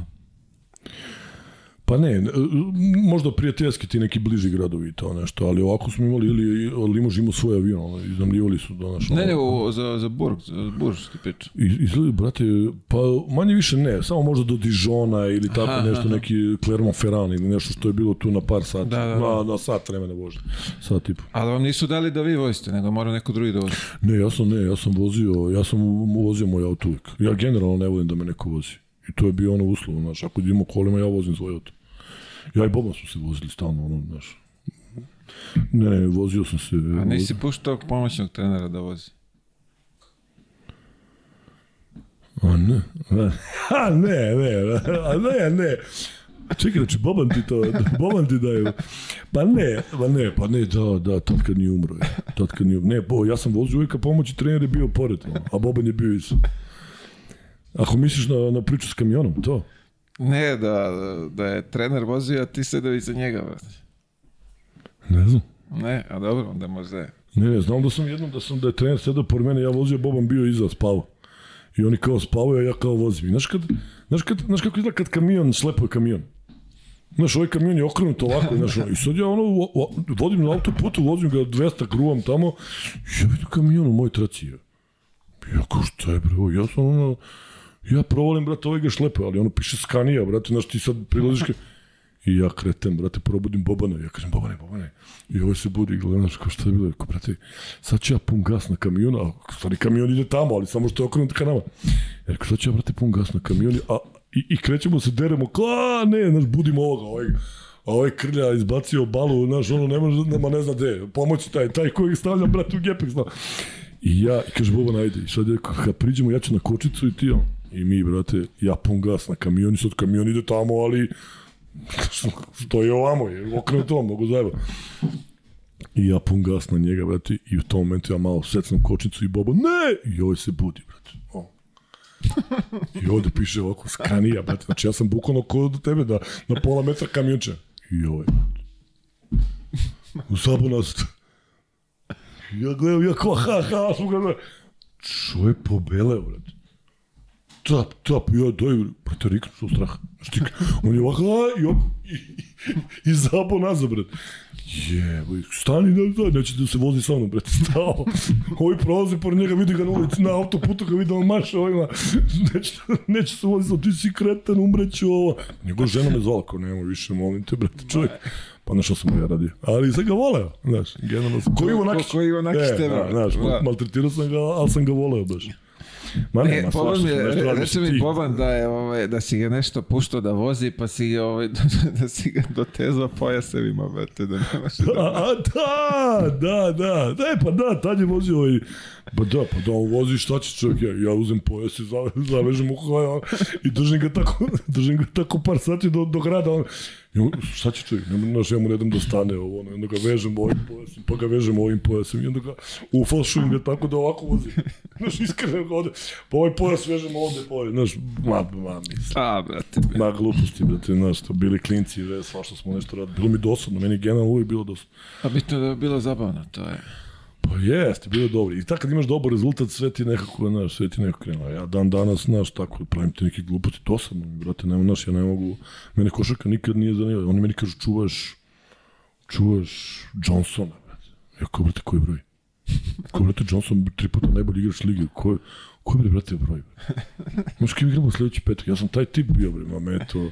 Nikad to mene nije radilo da, znaš, meni je uvijek bilo zajebancija. Znaš, bila je kao neka lova, zarađivalo se lepo, nema lakši para, mislim, znaš, ono, igraš se košarke, ovi ti aplaudiraju, bravo, care, legendu i sad ti kao, me to bilo, znaš, meni to bilo dosadno, stalno sam gledao da napravim neko sranje, znaš, mislim, to mi je bilo, to mi je bilo draže nego išta. Pa ja sam trenerima krio stvari, pa ne može da, pa, pa, ma, ma da, da, uvijek sam bio, bre, polu lud, debil. Ali sam se sad smirio, ne. bilo je dobro, bilo je dobro. Mislim, volio bi sad da čujem i ove tvoje iz firme. Ka, kako je, kako je ovaj, kakav tretman imaju? Pa znaš što, ja sam, mnogo, je, mnogo je taj biznis i mnogo, mislim to, mnogo je, mnogo je slično sa košarkom. Znaš, ja sam vlasnik kluba, imam menadžere koji su treneri, imam radnike koji su igrači. I mnogo je to, tip, ja ih platim, oni igraju. Znaš, nema, nije to velika disciplina, mora dođeš na vreme na trening, brate, mora dođeš na vreme na posao. Mora da nosiš uniformu koju sam ti dao, to dres, mora da nosiš, brate, košulju kad radiš. Znaš, nekako, mnogo je to sve slično. Ja kad imam neki problem s radnikom, ja pitam mog menadžera. Bile, zašto ovaj se ponaša ovako? Kapriš, ja tebe plaćam da bi ti kontrolisao tamo. To ti isto predsednik kluba, trener, radnici. I vrlo je to, vrlo je to slično. I ja sam tu neku disciplinu disciplinu, nema da mi kasniš na posao. I radi samo ono što ti je problem. Znaš, Branko, nemoj ti da, da, da vodiš politiku i da, ne znam, da, da prevodiš loptu, ti si care tamo ispod koša, talanda i gure i grizi, to ti je posao. Nemo se bavi, znaš, nemoj da budeš mnogo pametan. Radi svoj posao i dobit ćeš pare. To je to. Mnogo je bitno da u, u, u biznisu znaš, staviš pravi ljude na pravo mesto, u smislu da, znaš, konobar bude konobar i ništa više druga, ne kuvar bude kuvar, menadžerka bude menadžer. To je, znaš, ništa više ne treba da radiš. Samo radiš šta ti je posao i dobit ćeš pare. To je to. Prosto i jasno. Da, mnogo i vrlo slično kao košarci. Vrlo slično. Ra, imaš svoje obaveze, odradi, dobit ćeš pare, ćao, zdravo. Od tih destinacija gde, gde si bio gore po Francuskoj, šta bi, šta ti se svidelo onako, šta, šta bi izvojio za... Pa, znaš šta, ja, mislim, znaš šta, Francusku si upoređuju sa, znaš, kao klopa vina, ja ne pijem alkohole, nikad, znaš, ne, me, mene, mene to, znaš, Azurna obala mi je stvarno, stvarno, ovaj, stvarno prelepa, temperatura je tamo super. Taj Burg, Burgom Brest, on je blizu Ženeve, ima neko jezero Ansi se zove i to ti je jedino, ja mislim, mesto u Evropi možda čak gde može da se skiješ i da se kupaš u isto vreme. Aha, aha, Znači okay, ima okay. neko jezero gde leti, a onda imaš žičaru gore, odeš, skijaš se i dođeš dole, kupaš se. Znaš. To je nešto kao dole Beirut, uh, Liban. E, I oni ne- imaju tu foru gore, ne znam na koliko vo, vožnje, imaš planinu skijanje i dole siđeš i možeš da... Eto da, i to je, to je bilo... Mislim, ovde je more u pitanju, a... Da, da, ovde, je- ovde Da. je jezero, ali je ogromno kao more, bukvalno kao, kao, kao Ohridsko jezero, znači ogromno. Ovaj, Azona obala mi se sviđala, nisam imao sreće da igram dole, jer tamo je temperaturica lagano. To. I ljudi na jugu i ljudi na severu su mnogo razlike. Ovi su severci, ovi gore sa severa Francuske, gde je stalno ona magla, kiša, ono, oni su totalno drugačije njuške nego ovi ovamo na jugu. Mnogo su bolji ljudi. Od ju- od i južne- i, i od juga dole, od, od Azurne obale i to. Znači, oni su tamo nekako se sređenje. Ovde malo su, znaš, fancy, malo to, mi smo kao bitni, a ovi gore su mnogo pristupačniji. mnogo su, aha. znaš, I to je, ovaj, to je, to je velika razlika, ali taj jug dole Francuske to stvarno izgleda, ovaj, znaš, Što znam, ja tamo 10 godina sam bio, imao sam i one njihove papire i ono i nikad se više nisam vratio u Francusku. Znaš, Da, jednom sam bio, nešto su imali neku proslavu, pa neki, neki dresevi, nešto ovamo, znaš, ono. I to sam bio jednom, 2000, ja mislim da je to bilo 2014. i više se nikada ovaj, nisam otišao dole. A imao sam pozive milioni za biznis, neki da otvorim tamo neke restorane i u tom gradu ti ljudi koji su bili pre, gradonačelnik, predsednik kluba, menadžeri, svi me zovu, ajde dođi, živiš ovde, ovo ono da budem trener tamo, da budem ovo, ma kaki. Ma ja sam bre poslednju utakmicu sačekao punim kolima. Ja sam ja čekao se vratim, bre, nikad više nisam otišao u Francusku.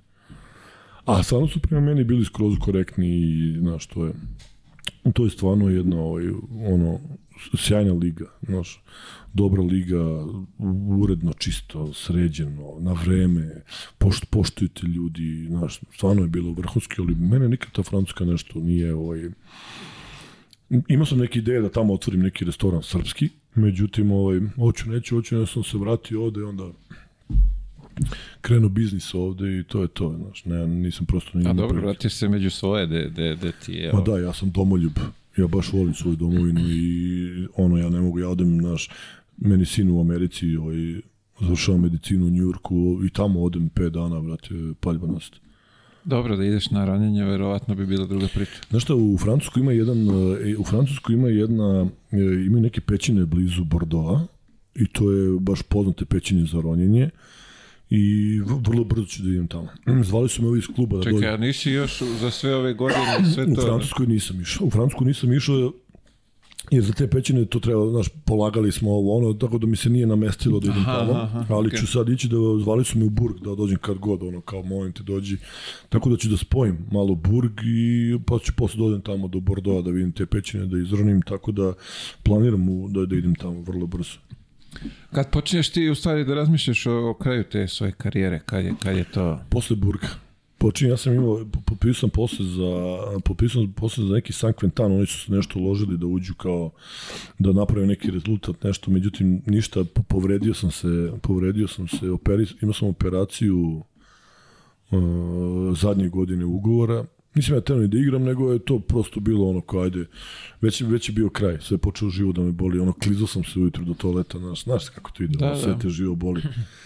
I onda sam s njima ovaj, napravio neki ugovor, oni ljudi to ispuštili, ja zadnju godinu nisam ni igrao, operisao sam nešto nogu. I tad sam je da čekao se to završi da dođem kući. Ono, znači, to je bilo 2009 i 10. I to je to.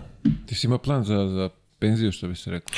Ja sam tamo dobijao posle dve godine, pošto je Francuska stvarno uređena, ja sam tamo plaćao porez o- ono ozbiljan i posle toga sam, kad sam završio karijeru, dobio sam ovde dve godine šomaž. Šomaž je kao socijalna pomoć u Francuskoj. I svi ljudi koji ne rade dobiju šomaž 24 meseca, 23 meseca. Meni je taj šomaž, još dve godine nakon karijere mi je stizalo na račun pare. I to su bile ozbiljne pare. Jer to, to, to prosto takva je država, taj socijalni program je takav. Kogod radi, ulo, daje pare za one koji ne rade. I onda jednog dana kada ti ne radiš, ti u odnosu na ono koliko si dobio platu, maksimum je 5000 evra, ovaj, ukoliko ti ne radiš, 23 meseca dobiješ od države 5000 evra. Tu zanimljivo. Da, to, ti je, to je prednost Francuske, ali sam plaćao tamo porez normalno 10 godina. Tako da ja imam, ovaj, imam penziju njihovu, mislim, imam pravo na njihovu penziju od 10 godina, znaš, tako da, Čekaj, beše za njih isto važi ono da te pozovu ranije, da, da ne bi bio na penziji, nego da te isplate, da, da, kredit. te ali skinu. Da. ja nisam siguran, mislim da to više ne važi. Mislim da to više ne, to mora sada da se raspita, mora zove Miška. Miško daj neku lovu, znaš. Miško napravi mi neke pare. Ovaj, uh, to ću da proverim da li, da, da li to može, ali siguran sam da ono posle 60, ne znam, 3, 4, 5 dobijam njihovu penziju, znaš. Tako da brzo će to. Pa dobro, da, desetak da. godina. To je prednost igrati u tako sređenim zemljama. To je stvarno, ovaj, ne znam, kad se operišeš, kad imaš neki problem, to ne možeš da vidiš koliko je to sve sređeno, koliko je to sve regulisano, osiguranje. Ja sam kad sam se operisao godinu dana nisam igrao, malte ne, odigrao sam 4-5 utakmica, bio mi plaćen ceo ugovor, znaš ti sindikati, ono, sindikati igrača, to je sve. Ja sećam jedne godine, trebao sam da počnemo da igramo utakmicu, u 5 do 8 su rekli ne, otkazana liga, kao ne igra se ovo kolo. Što? Zato što neki car iz Tulona, neki što sedi na klupi nije dobio platu. Stala liga, jebe. Da, i u 8 i 10, 15 tad su pomerili, 15 minuta su pomerili, dok su dok ovi iz Tulona nisu javili da, da, da su mu dali platu. taj, taj sindikat njihov je mnogo jak. To je Laurent Sierra. Svećaš se Laurent Sierra? On je bio repstivac francuski, bio playmaker. To je on je bio predsednik sindikata i stalno mene cimo nešto, ajde, kao imamo neke, neke aktivnosti. Ovaj, mnogo je, mnogo je, izvini. Mnogo je organizovana zemlja i to, to nemaš tu grešku. To, što, to što si potpisao, makar. To je to. Ma, da, Zakucano. ma da, to nemaš. Dobro, ovde, ovde mora da... Kod nas je malo drugačije. Malo. Da ovde baš moraš da si ono, znaš, ne, mislim, nažalost. Nažalost, Ja ne da. znam sad, naš, ja tu stvarno ne pratim, ali ja ne znam sad ta naša prva liga. Ono. Pričaš o KLS? Da, koje su to pare? Šta, šta se tu dešava? Pa Znaš, vidi, ako ja to- imam dobru informaciju, to se kreće negde od 150 do, do lupam ono hiljadu i po, dve. Oni kako i nešto su plaćeni, to je ono da 2000 evra? Pet da se ono šutira u... Pa se isplati to. Mislim, znaš, ja, ja sad, znaš, imaš mnogo roditelja koji Znaš kako ti forsiraju decu, basket i izlaz, ovo, ono, ali... Znaš, ti se igraš za 2000 evra, 1000 i po evra. 500 evra, 1000, šta, znaš, mislim, decu idite u školu. Vidi, gle, nije problem, ajde, ok, klinci su oni, taj kinta je za njih, ok. Ali imaš ljude koji su oženjeni, imaju Mhm. porodicu 30 godina, brate. I ono što je uh, po meni najgore u svemu tome je što se njima liga završava u aprilu i počinje u septembru, Da. oktobru. Znači oni imaju tu rupu od 5 meseci, pet šest, da. meseci gde nema dinara. Ne znaš, mislim da se da, ono, ne znam koliko je to sad isplatljivo. Ja sam majke, znaš, kao ima moj klinac mali 14 godina kod car ide u školu.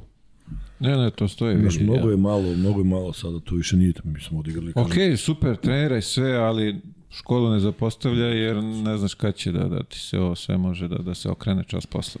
Pričao sam ti šta smo mi, brate, šta si ti sa 35 godina? Ako nisi napravio neki pare, ako nisi kupio stan, ako nisi uložio neki biznis, šta si ti? S 35 godina imaš porodicu, nisi ništa. Niti imaš diplomu, niti imaš faks, niti imaš školu, niti, niti znaš bilo što drugo da radiš. Šta smo mi bili? Mi smo bili košakaši. brate. Pazi to, i ti ako napraviš lovu, ovaj, ti ne znaš ništa da radiš. Zbog toga i većina upada u probleme. Napraviš lovu, Jeste. a ne znaš ništa sem košarke. Jeste. I naravno da se pojave, to što si rekao, ej daj vamo, daj vamo, da, Da, da investiramo, napravimo, da, da, sad ćemo lovu, mi da zavrtimo pare to. lovom. Da. Da. Znaš šta, to je, zato ja generalno taj, uopšte taj svet košarkaški, ne samo to je ti futbaleri košarka, ti koji napred, to, znaš, to, to je meni sve nekako, ne znam, ja to često pričam s ovim mojima, znaš, ono, to je, znaš, znaš ja sam, ja sam, šta si, bre? Znaš, ti samo košarkaš, znaš ti kakvi careva ima koji su završili diplome, doktori, naučnici, koji rade bre za hiljada, mi smo samo, brate, imali sreće. I Bogu hvala da je tako. Ali ljudi zaborave, znaš, to ljudi pomisle da su nešto bitni, znate. Znaš, ljudi po, počnu da nose, počnu da nose, da se ponašaju kao da su, kao da su bogovi, znaš. Dobro, care, ti si zaradio futbaler, si milion, dva, tri, pet, deset. Sve je to okej, okay, care.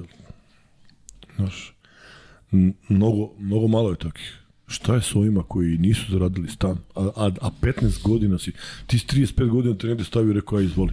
Šta ćeš ti? Ne stan, nego da živiš. Šta će ovi momci koji rade za 1000 i po evra igri košaku? Šta je budućnost? Ima 27 godina. To je to. To je to. Šta će? I, uh, ono, ali opet, ajde, ako školuješ se, ako nešto, ono, pa ja ovde trudim se da im skrenem pažnju, čuče, ono, drži se škole, da znaš kad završi karijeru makar nešto da radiš. Mislim, nećeš ti ni u školi, sad kako je školstvo, da, nećeš naučiti nećeš da radiš nešto. I nećeš će- imati platu za kako, ali...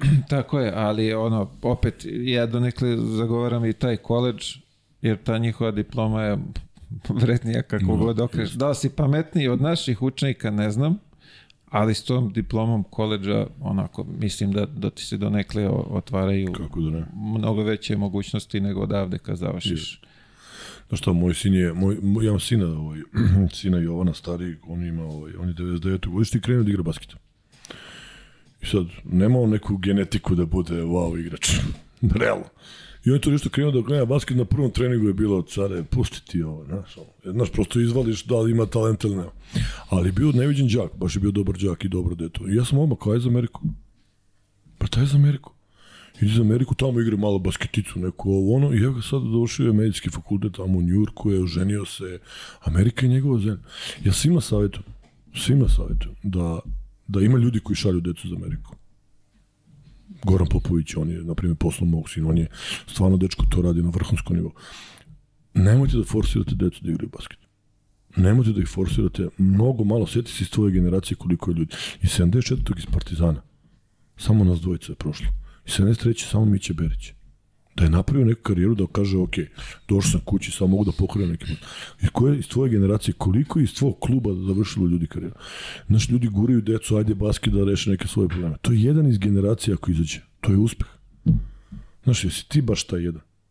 Ja sam uvek da to da, da deca, ono kao, sad se Amerika otvorila, mnogo je lakše sad studirati u Americi nego pre. Ono, ako, ako voli basket, ako je sportski tip, šaljite ga u Ameriku, završi, evo ti ga, evo ti ga Peđa Savić. I ne samo Peđa Savić, milion takih Peđa Savić, imamo maha koji su igrali basket, otišli tamo, završili fakultete, evo sada, ne znam, su u biznisu, u menadžmentu, ovome, onome, i igrali su basket. I evo sada mogu da žive od toga. Tako da, znaš, moj savjet je ono, nemoj da se ložite na velike pare, mnogo malo je tih koji zarađuju velike pare. I da može da živi. Mnogo malo. To je od, od 5000 dece njih desetor. Pa, Da je neka rečena, ra- računica jedan od hiljadu. To je to. Znači, znaš, koji si ti baš taj? To je, Znači, baš ti taj.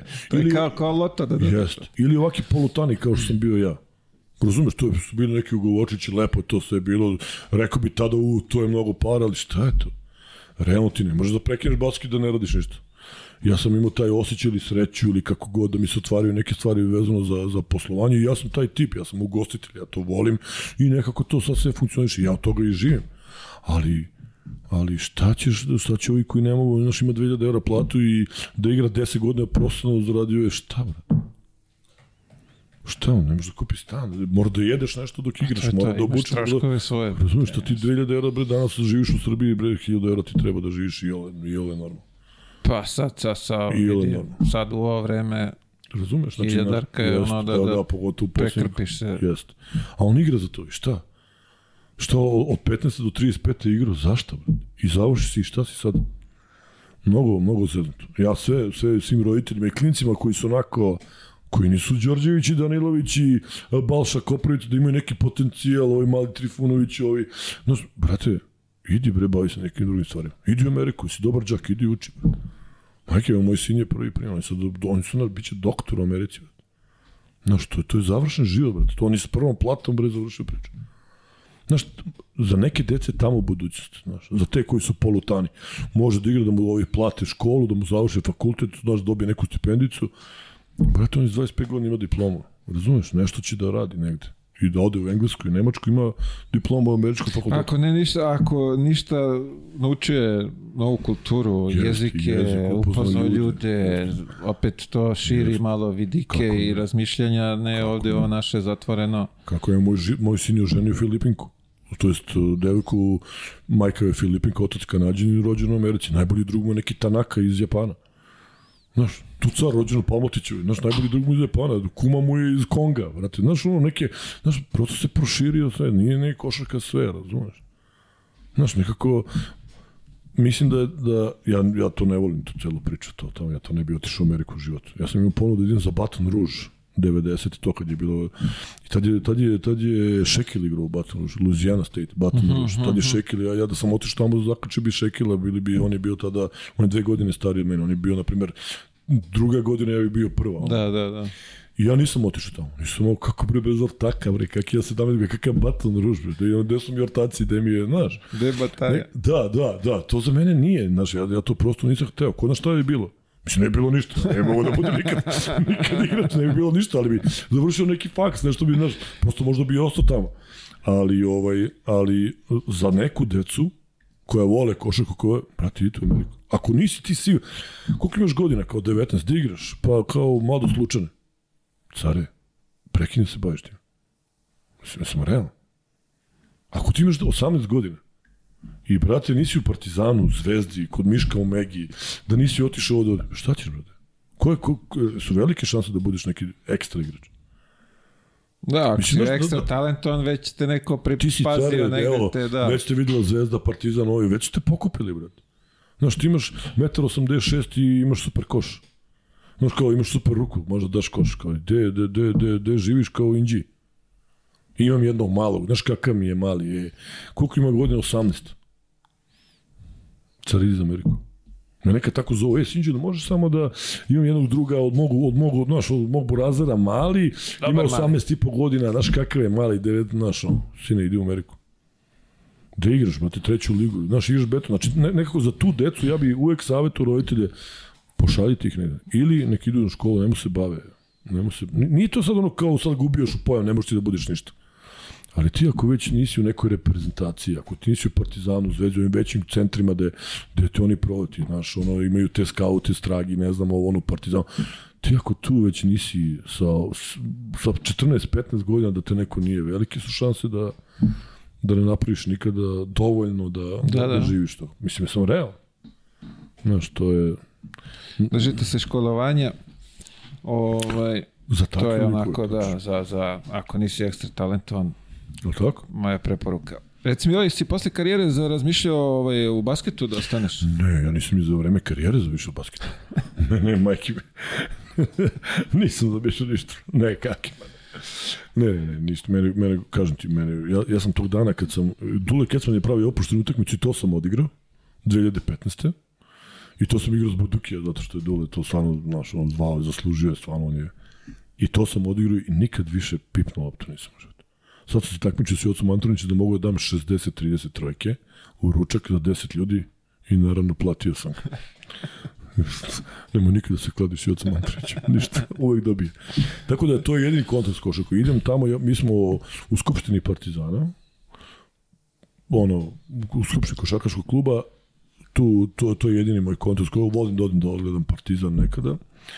I to je to, ali ne, ništa. A čekaj, bili sad povezivali su te skoro nešto sa ABA ligom direktora ABA lige? Pa da, to je bilo u tom nešto, nekom da. užem izboru. Kako, kako je došlo do toga? Šta, šta je tu? Pa znaš šta, Ili gdje je zapela?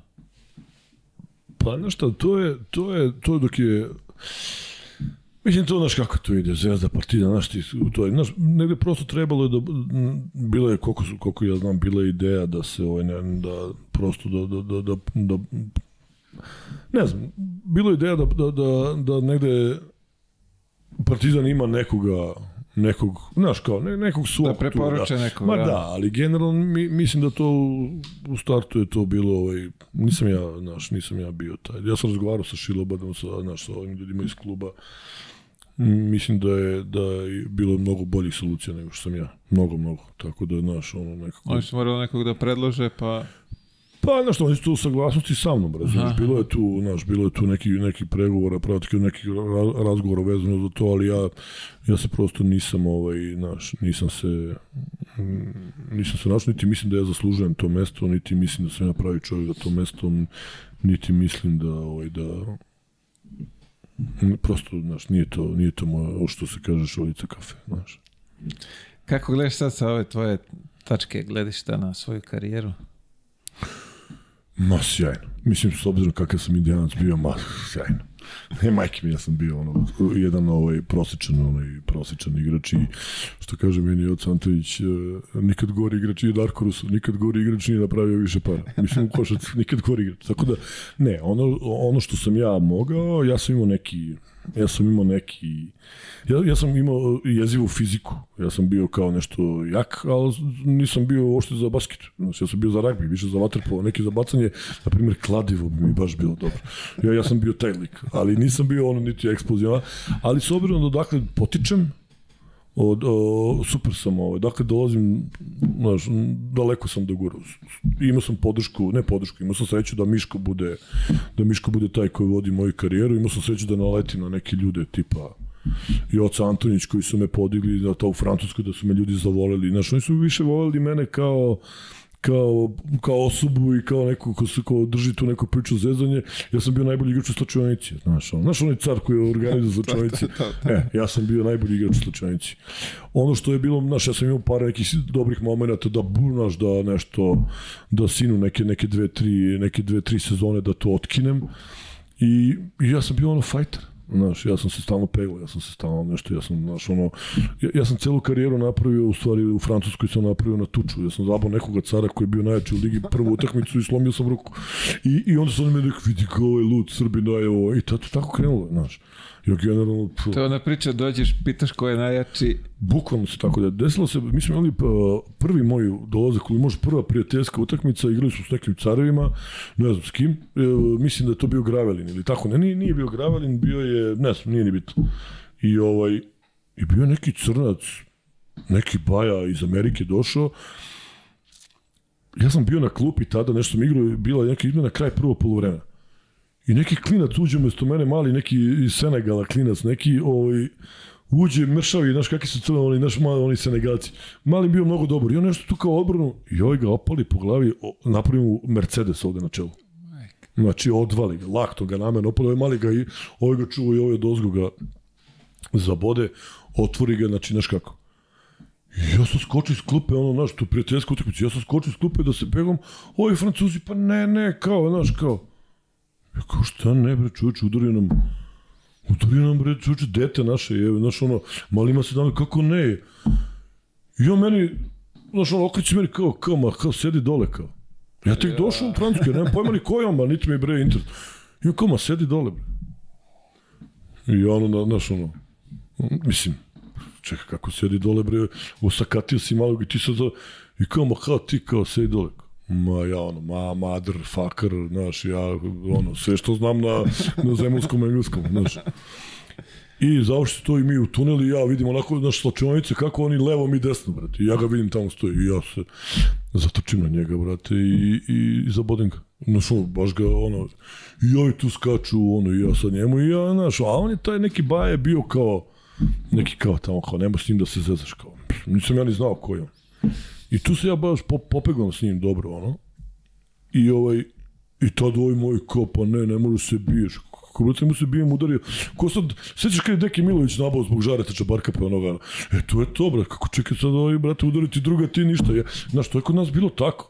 Mire Milović, znaš li Mireta Milović, sećaš ti njega? Da, Mire da. Crni Milović igrao, on je samo čekao, kako, znaš, ono, to se odmah, nekako se to drugačije rešavalo kod nas, udariti neko druga, brate. Mi kad, kad pričao ste to za Beo Panionios, frka, tu cijela ekipa uleće, tako brate, sećaš Deki Milović kako je penalo ove sve ono životinja kad krene da maše ruka, znači, nekako to, ja sam naviku tako, znaš, to ti drugi je, pobijemo se pa zdravo. Ovi francuzi ništa, nemoj kao, znaš, nije u redu. I ja sam zaletio njega i ja sam tad dobio imidž kao, vidi ga ovaj lud. Mislim, ne lud, nisam ja bio, ne, ali sam ga zabao. I onda su cijeli počeli u ligi da pričaju ko, znaš šta, kako. A taj bio neki fajter, taj kao, ne znaš, kao ne služi. I nekako ja sam na, na tu foru i pravio karijeru. Mislim, nekako, znaš, nisam bio, brate, nisam mogu zakucam iza leđa, znaš, da, ili da dam 50 pojena sam. Nego sam, znaš, na, na, na fight. Tako da moja karijera, s obzirom šta sam ja bio i koliko sam mogao i šta se sve, super mi se namestilo sve.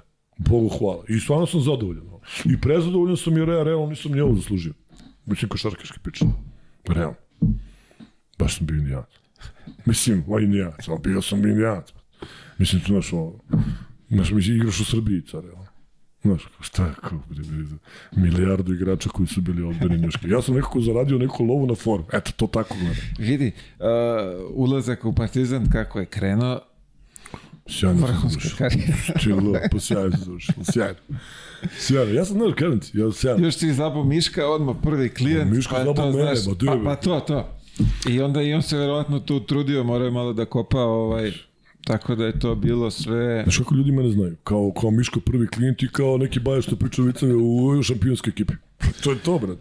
Real, mislim, znaš, stvarno, ne, znaš, treba biti realan. Kakav bre basket. Mislim, nisam, ja sam, ja sam igrao prvu ligu stalno, ne znam, i bilo je to okej, okay. bio sam kapiten u par ekipa, i bio sam, bio sam jedan od redkih stranaca kapitena u Francuskoj, znaš, to je stvarno redkost. To je u Buržu, tako? Bio sam u Burgu četiri godine, da, kapiten i to je stvarno Čekaj, redkost. Burg ili Burž, brate, šta je ispravno, kako se Zove to... se Burg and Bress. Dobro, To je Burg and Bress, znači nije, nije ono Briž Burg, znači Burg and Bress se zove. Burg, okej. Jo, i, i, I to je stvarno redkost da stranac bude kapitan. Francuzima, znaš. Pa oni su- dobro, lepo se izborio i treba se i za to izboriti. Jeste, jeste. I ja sam nosio tu ekipu. Znaš, ja, nekako ja sam prvu utakmicu, ajde, ono, ono navijači, brate, ono, gledali me, brate, ko je ovaj? Ja prvu utakmicu, ajde, bre, ajde. Brate, to je posle pisalo po novina, tu, to niko nije mogu da nas dobije. To su navijači počeli da divljuju. Prvi pet utakmica bilo pozorište. Posle toga, ti ne možeš da veruješ šta je to bilo. Vruć teren. Ma ne možeš da veruješ.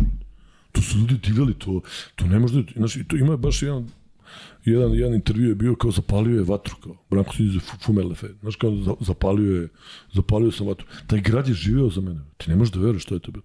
Ja uđem u restoran, ja nikad... Ja, bre, Indija, teška. Ja, ja uđem u restoran, nikad... Meni burazar dođe u posjet i kaže, što je, bro? Meni babe sede u krilima, ljube me, svi živi. Mm, ja pitam Bobana Savić, pita, pa moja slika dan danas stoji tamo, znaš? Da, Hall of Fame, ja sam tamo kao glavni baja. I dalje sam najbolji skakač, na primjer, nisam mogao, brate, nisam mogao da pipnem obruč.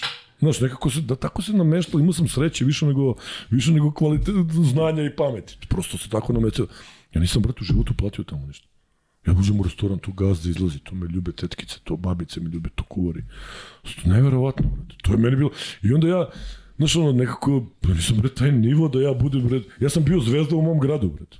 I to je to, ovde. Sad kad drugi grad, kad odem, niko nije znao ko sam, ali nekako taj grad je meni ostavio Znaš, evo, i baš me sad skoro protiv Monaka, Partizan kad igra protiv Monaka, zvao me predsednik kluba, čerka mu došla ovde, igrala je protiv Zvezde, košarkašica, i on, ajde, molim te, možeš da ih organizuješ da uđu na utakmicu. Ja, on me dan dan zove, evo sad ti pokažem poruke, ti si, ti si moj najveći, ti si najveći, ca, ti si car, ja te volim, ja, moja porodica, umire, molim te, dođi. Dan danas, evo, prošlo 15 godina. On mene zovu bre navijači čoveče iz Francuske, dolazim mi u kafić. Znaš koliko puta dođu i- zove me, je, došli neki francuzi navijači, ja dođem, oni stoje tamo ispred, ne možeš da. Ne, pokažu ti posle da, znaš, Ti bre nisi ni svestan kako se zvezda a, bio. ali samo u tom gradu. Ovo, i ili možda sam bio, okej, tamo su me volili. Ali ovo ostalo, ma kak, niko nema pojma ko sam, bre, šta je to? Šta mislim, realno. A dobro, ba, kako me kao bolje prvi, igrača, brate, prvi, to je to. prvi u, bolje prvi u selu nego... To je bila moja. Pa što je, pa ja nisam te... Meni Mi- Miško kaže nešto jedne godine, zove me kao, brate, kazan. Te godine sam igrao baš dobro. Ne znam, imao sam prosjek 17, 18, nemam pojma. I tad sam izabran to za strance, nemam pojma. I mene Miško zove, kaže, ej, brate, super igraš, daj ovo, hoćeš u kazanj. Miško, ja me vodiš odavde, molim te. Ajde, kao napravit ćemo neku foru da... I, i ništa, ostao sam tamo još tri godine sam potpisao. Tako da meni se nije išlo odande nikad, brate. Šta ti, pa A kad si otišao nisi se vratio. Kakav si ti car? Nisam se vratio. Ali evo, ne, bio sam jednom, dizali su neki Pa 27 dobro nešto. to, da. Ali, Ali sad ću otići, ću, Bo- Boban Savić ima velike šanse da bude prvi trener tamo. Mm -hmm. Boban se vratio, bio trener juniora i sad on je sad beše... u Burgu. U tome, on je u tom Aha, gradu. on je tu i da. Da, da, on je okej. u tom gradu i dalje. I on je sa mnom igra, ja sam igrao četiri godine, igrao tamo tri godine i on je sada bio pomoćni trener Savi Vučeviću. To da, da, ali nisam znao koje je mesto, da. Koje... Burg, Burg, isto tu da je Andjušić bio, on je bio sa Andjušićem, mali moj. I, ovaj, I onda je otišao, ovaj, Boban će velike šanse da bude prvi trener uh, sledeće godine, nadam se, Bogu. Tako da, ovaj, ako Boban bude bio trener tamo, ići će tamo. Ali ti ne možeš da. Ja kad se pojavio 2015. Pa ti ne možeš da. Pa kakav bre, kakav, kakav bre Sale Đorđe Danilović, bre, šta pa ja sam bre Bog. Znaš ti šta sam ja tamo u tom gradu? Gradonačelnik me zovu, cijelo Ja ti ja ne pričam uopšte u košarci da sam ja nešto čak što više indijancama, ali u tom gradu ti ne možeš. To treba doživjeti. Pa moje slike, pa da, pokazat ti. Pa ne, da, lepo je, lepo je. Ali samo u jednom gradu. bilo bi dobro da sam bio u svakom, ali ne. Ali dobro, evo vidiš, tu si sad, Zemun je tvoja lokacija, širiš se. Volim, Pa, volim ženu, brate, volim, to mi ono, to su mi, to su moji, ono, to su mi drugari, to su mi braći, to sve od, bre, od, od detinjstva ljudi, ne mogu, znaš. Ne bi mogu, oni tamo su mi nudili, ajde, dođi državljanstvo, posao, ma kak. Nama, nama je tamo bio, uh, naj, najveći sponsor nam je bio Renault Trax. Fabrika Renault Trax je u tom gradu, Renault kamioni. Jezivalo ovo neka. I generalni direktor Renault Traxa mi je rekao, brate, ako hoćeš šta god, kamioni, da budeš generalni uvoznik, da budeš ovo, da budeš ono, da... Ma šta god, biznis, šta god, ma kaki. Nisam mogu da ostanem. Nisam mogu da Mogu ostanem. uzmeš zastupništvo ovde i u, Mogu. u To Bataji. ja mislim da, sad otvoriš. Delta, to sad Delta drži, ja mislim, da. Renault Trax. Eto, viš, mogo si Mišković. Ja si ja, gde će on sa mnom, brate? Carski. E, ovo je, što bi se reklo, ovaj, doterali smo do, do kraja. Već. Da, nije prošlo, nije prošlo mnogo. Ima nešto što bi, da sam propustio da pitam, da ti kažeš, Dođi na klopu.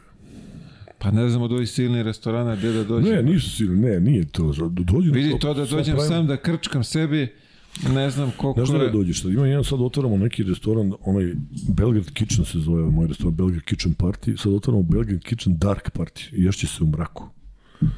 Mm, Ono, totalno, totalno mrak, slepi ljudi će da nam budu konobari, znaš, malo je jedinstven, jedinstven koncept, isto kao i ovaj dole, malo je drugačije. Tako da nećeš morati da kuvaš, ali nećeš znati ni šta jedeš. Tako da pazi se kad si kod mene restanu, ko znaš šta ćeš da pojedeš, brate. Ako ne budeš bio dobar, znaš. Šalim se, tako da eto, otvaramo to sada, pa eto, podnosi ti ekipice da dođete malo da ovaj... Plašim se tog Možemo da mraka, skupimo, brate. možemo da skupimo sve ove naše. Plašim se tog mraka. Dođi, brat, bit će tu Deki Milović, on će da te čuva. Zvaćemo Žareta, zvaćemo... Deksera, Ketana, zvaćemo- Deksera nam je zauzet, on je preko bare. Da, danas sam ga gledao, bio danas nešto, ovaj, davo neki intervju na RTS-u. Uh, za RTS, ne, vidio sam ga nešto za, za, kod nekog tipa je za biznis, za nešto. No, danas je bilo na RTS-u, nešto sliku sam mu, pa sam mu poslao, rekao, vidi debeli nešto liči, bro, drtan si, znaš koliki. A znaš kako, bu- bude ga rano tamo. Znaš, da, Da, bi se da, da, uklopilo, da, onda ga bude i da. on ustane, pa nije ovaj, to, to, znaš. Deki Milović je ozbiljna faca, ozbiljan pa, Car. ozbiljan. Mnogo mi drago i zbog njega i zbog Jokića i ovo se stvarno kidaju. Deki je ozbiljan gospodin čovjek, baš ono pravi momak.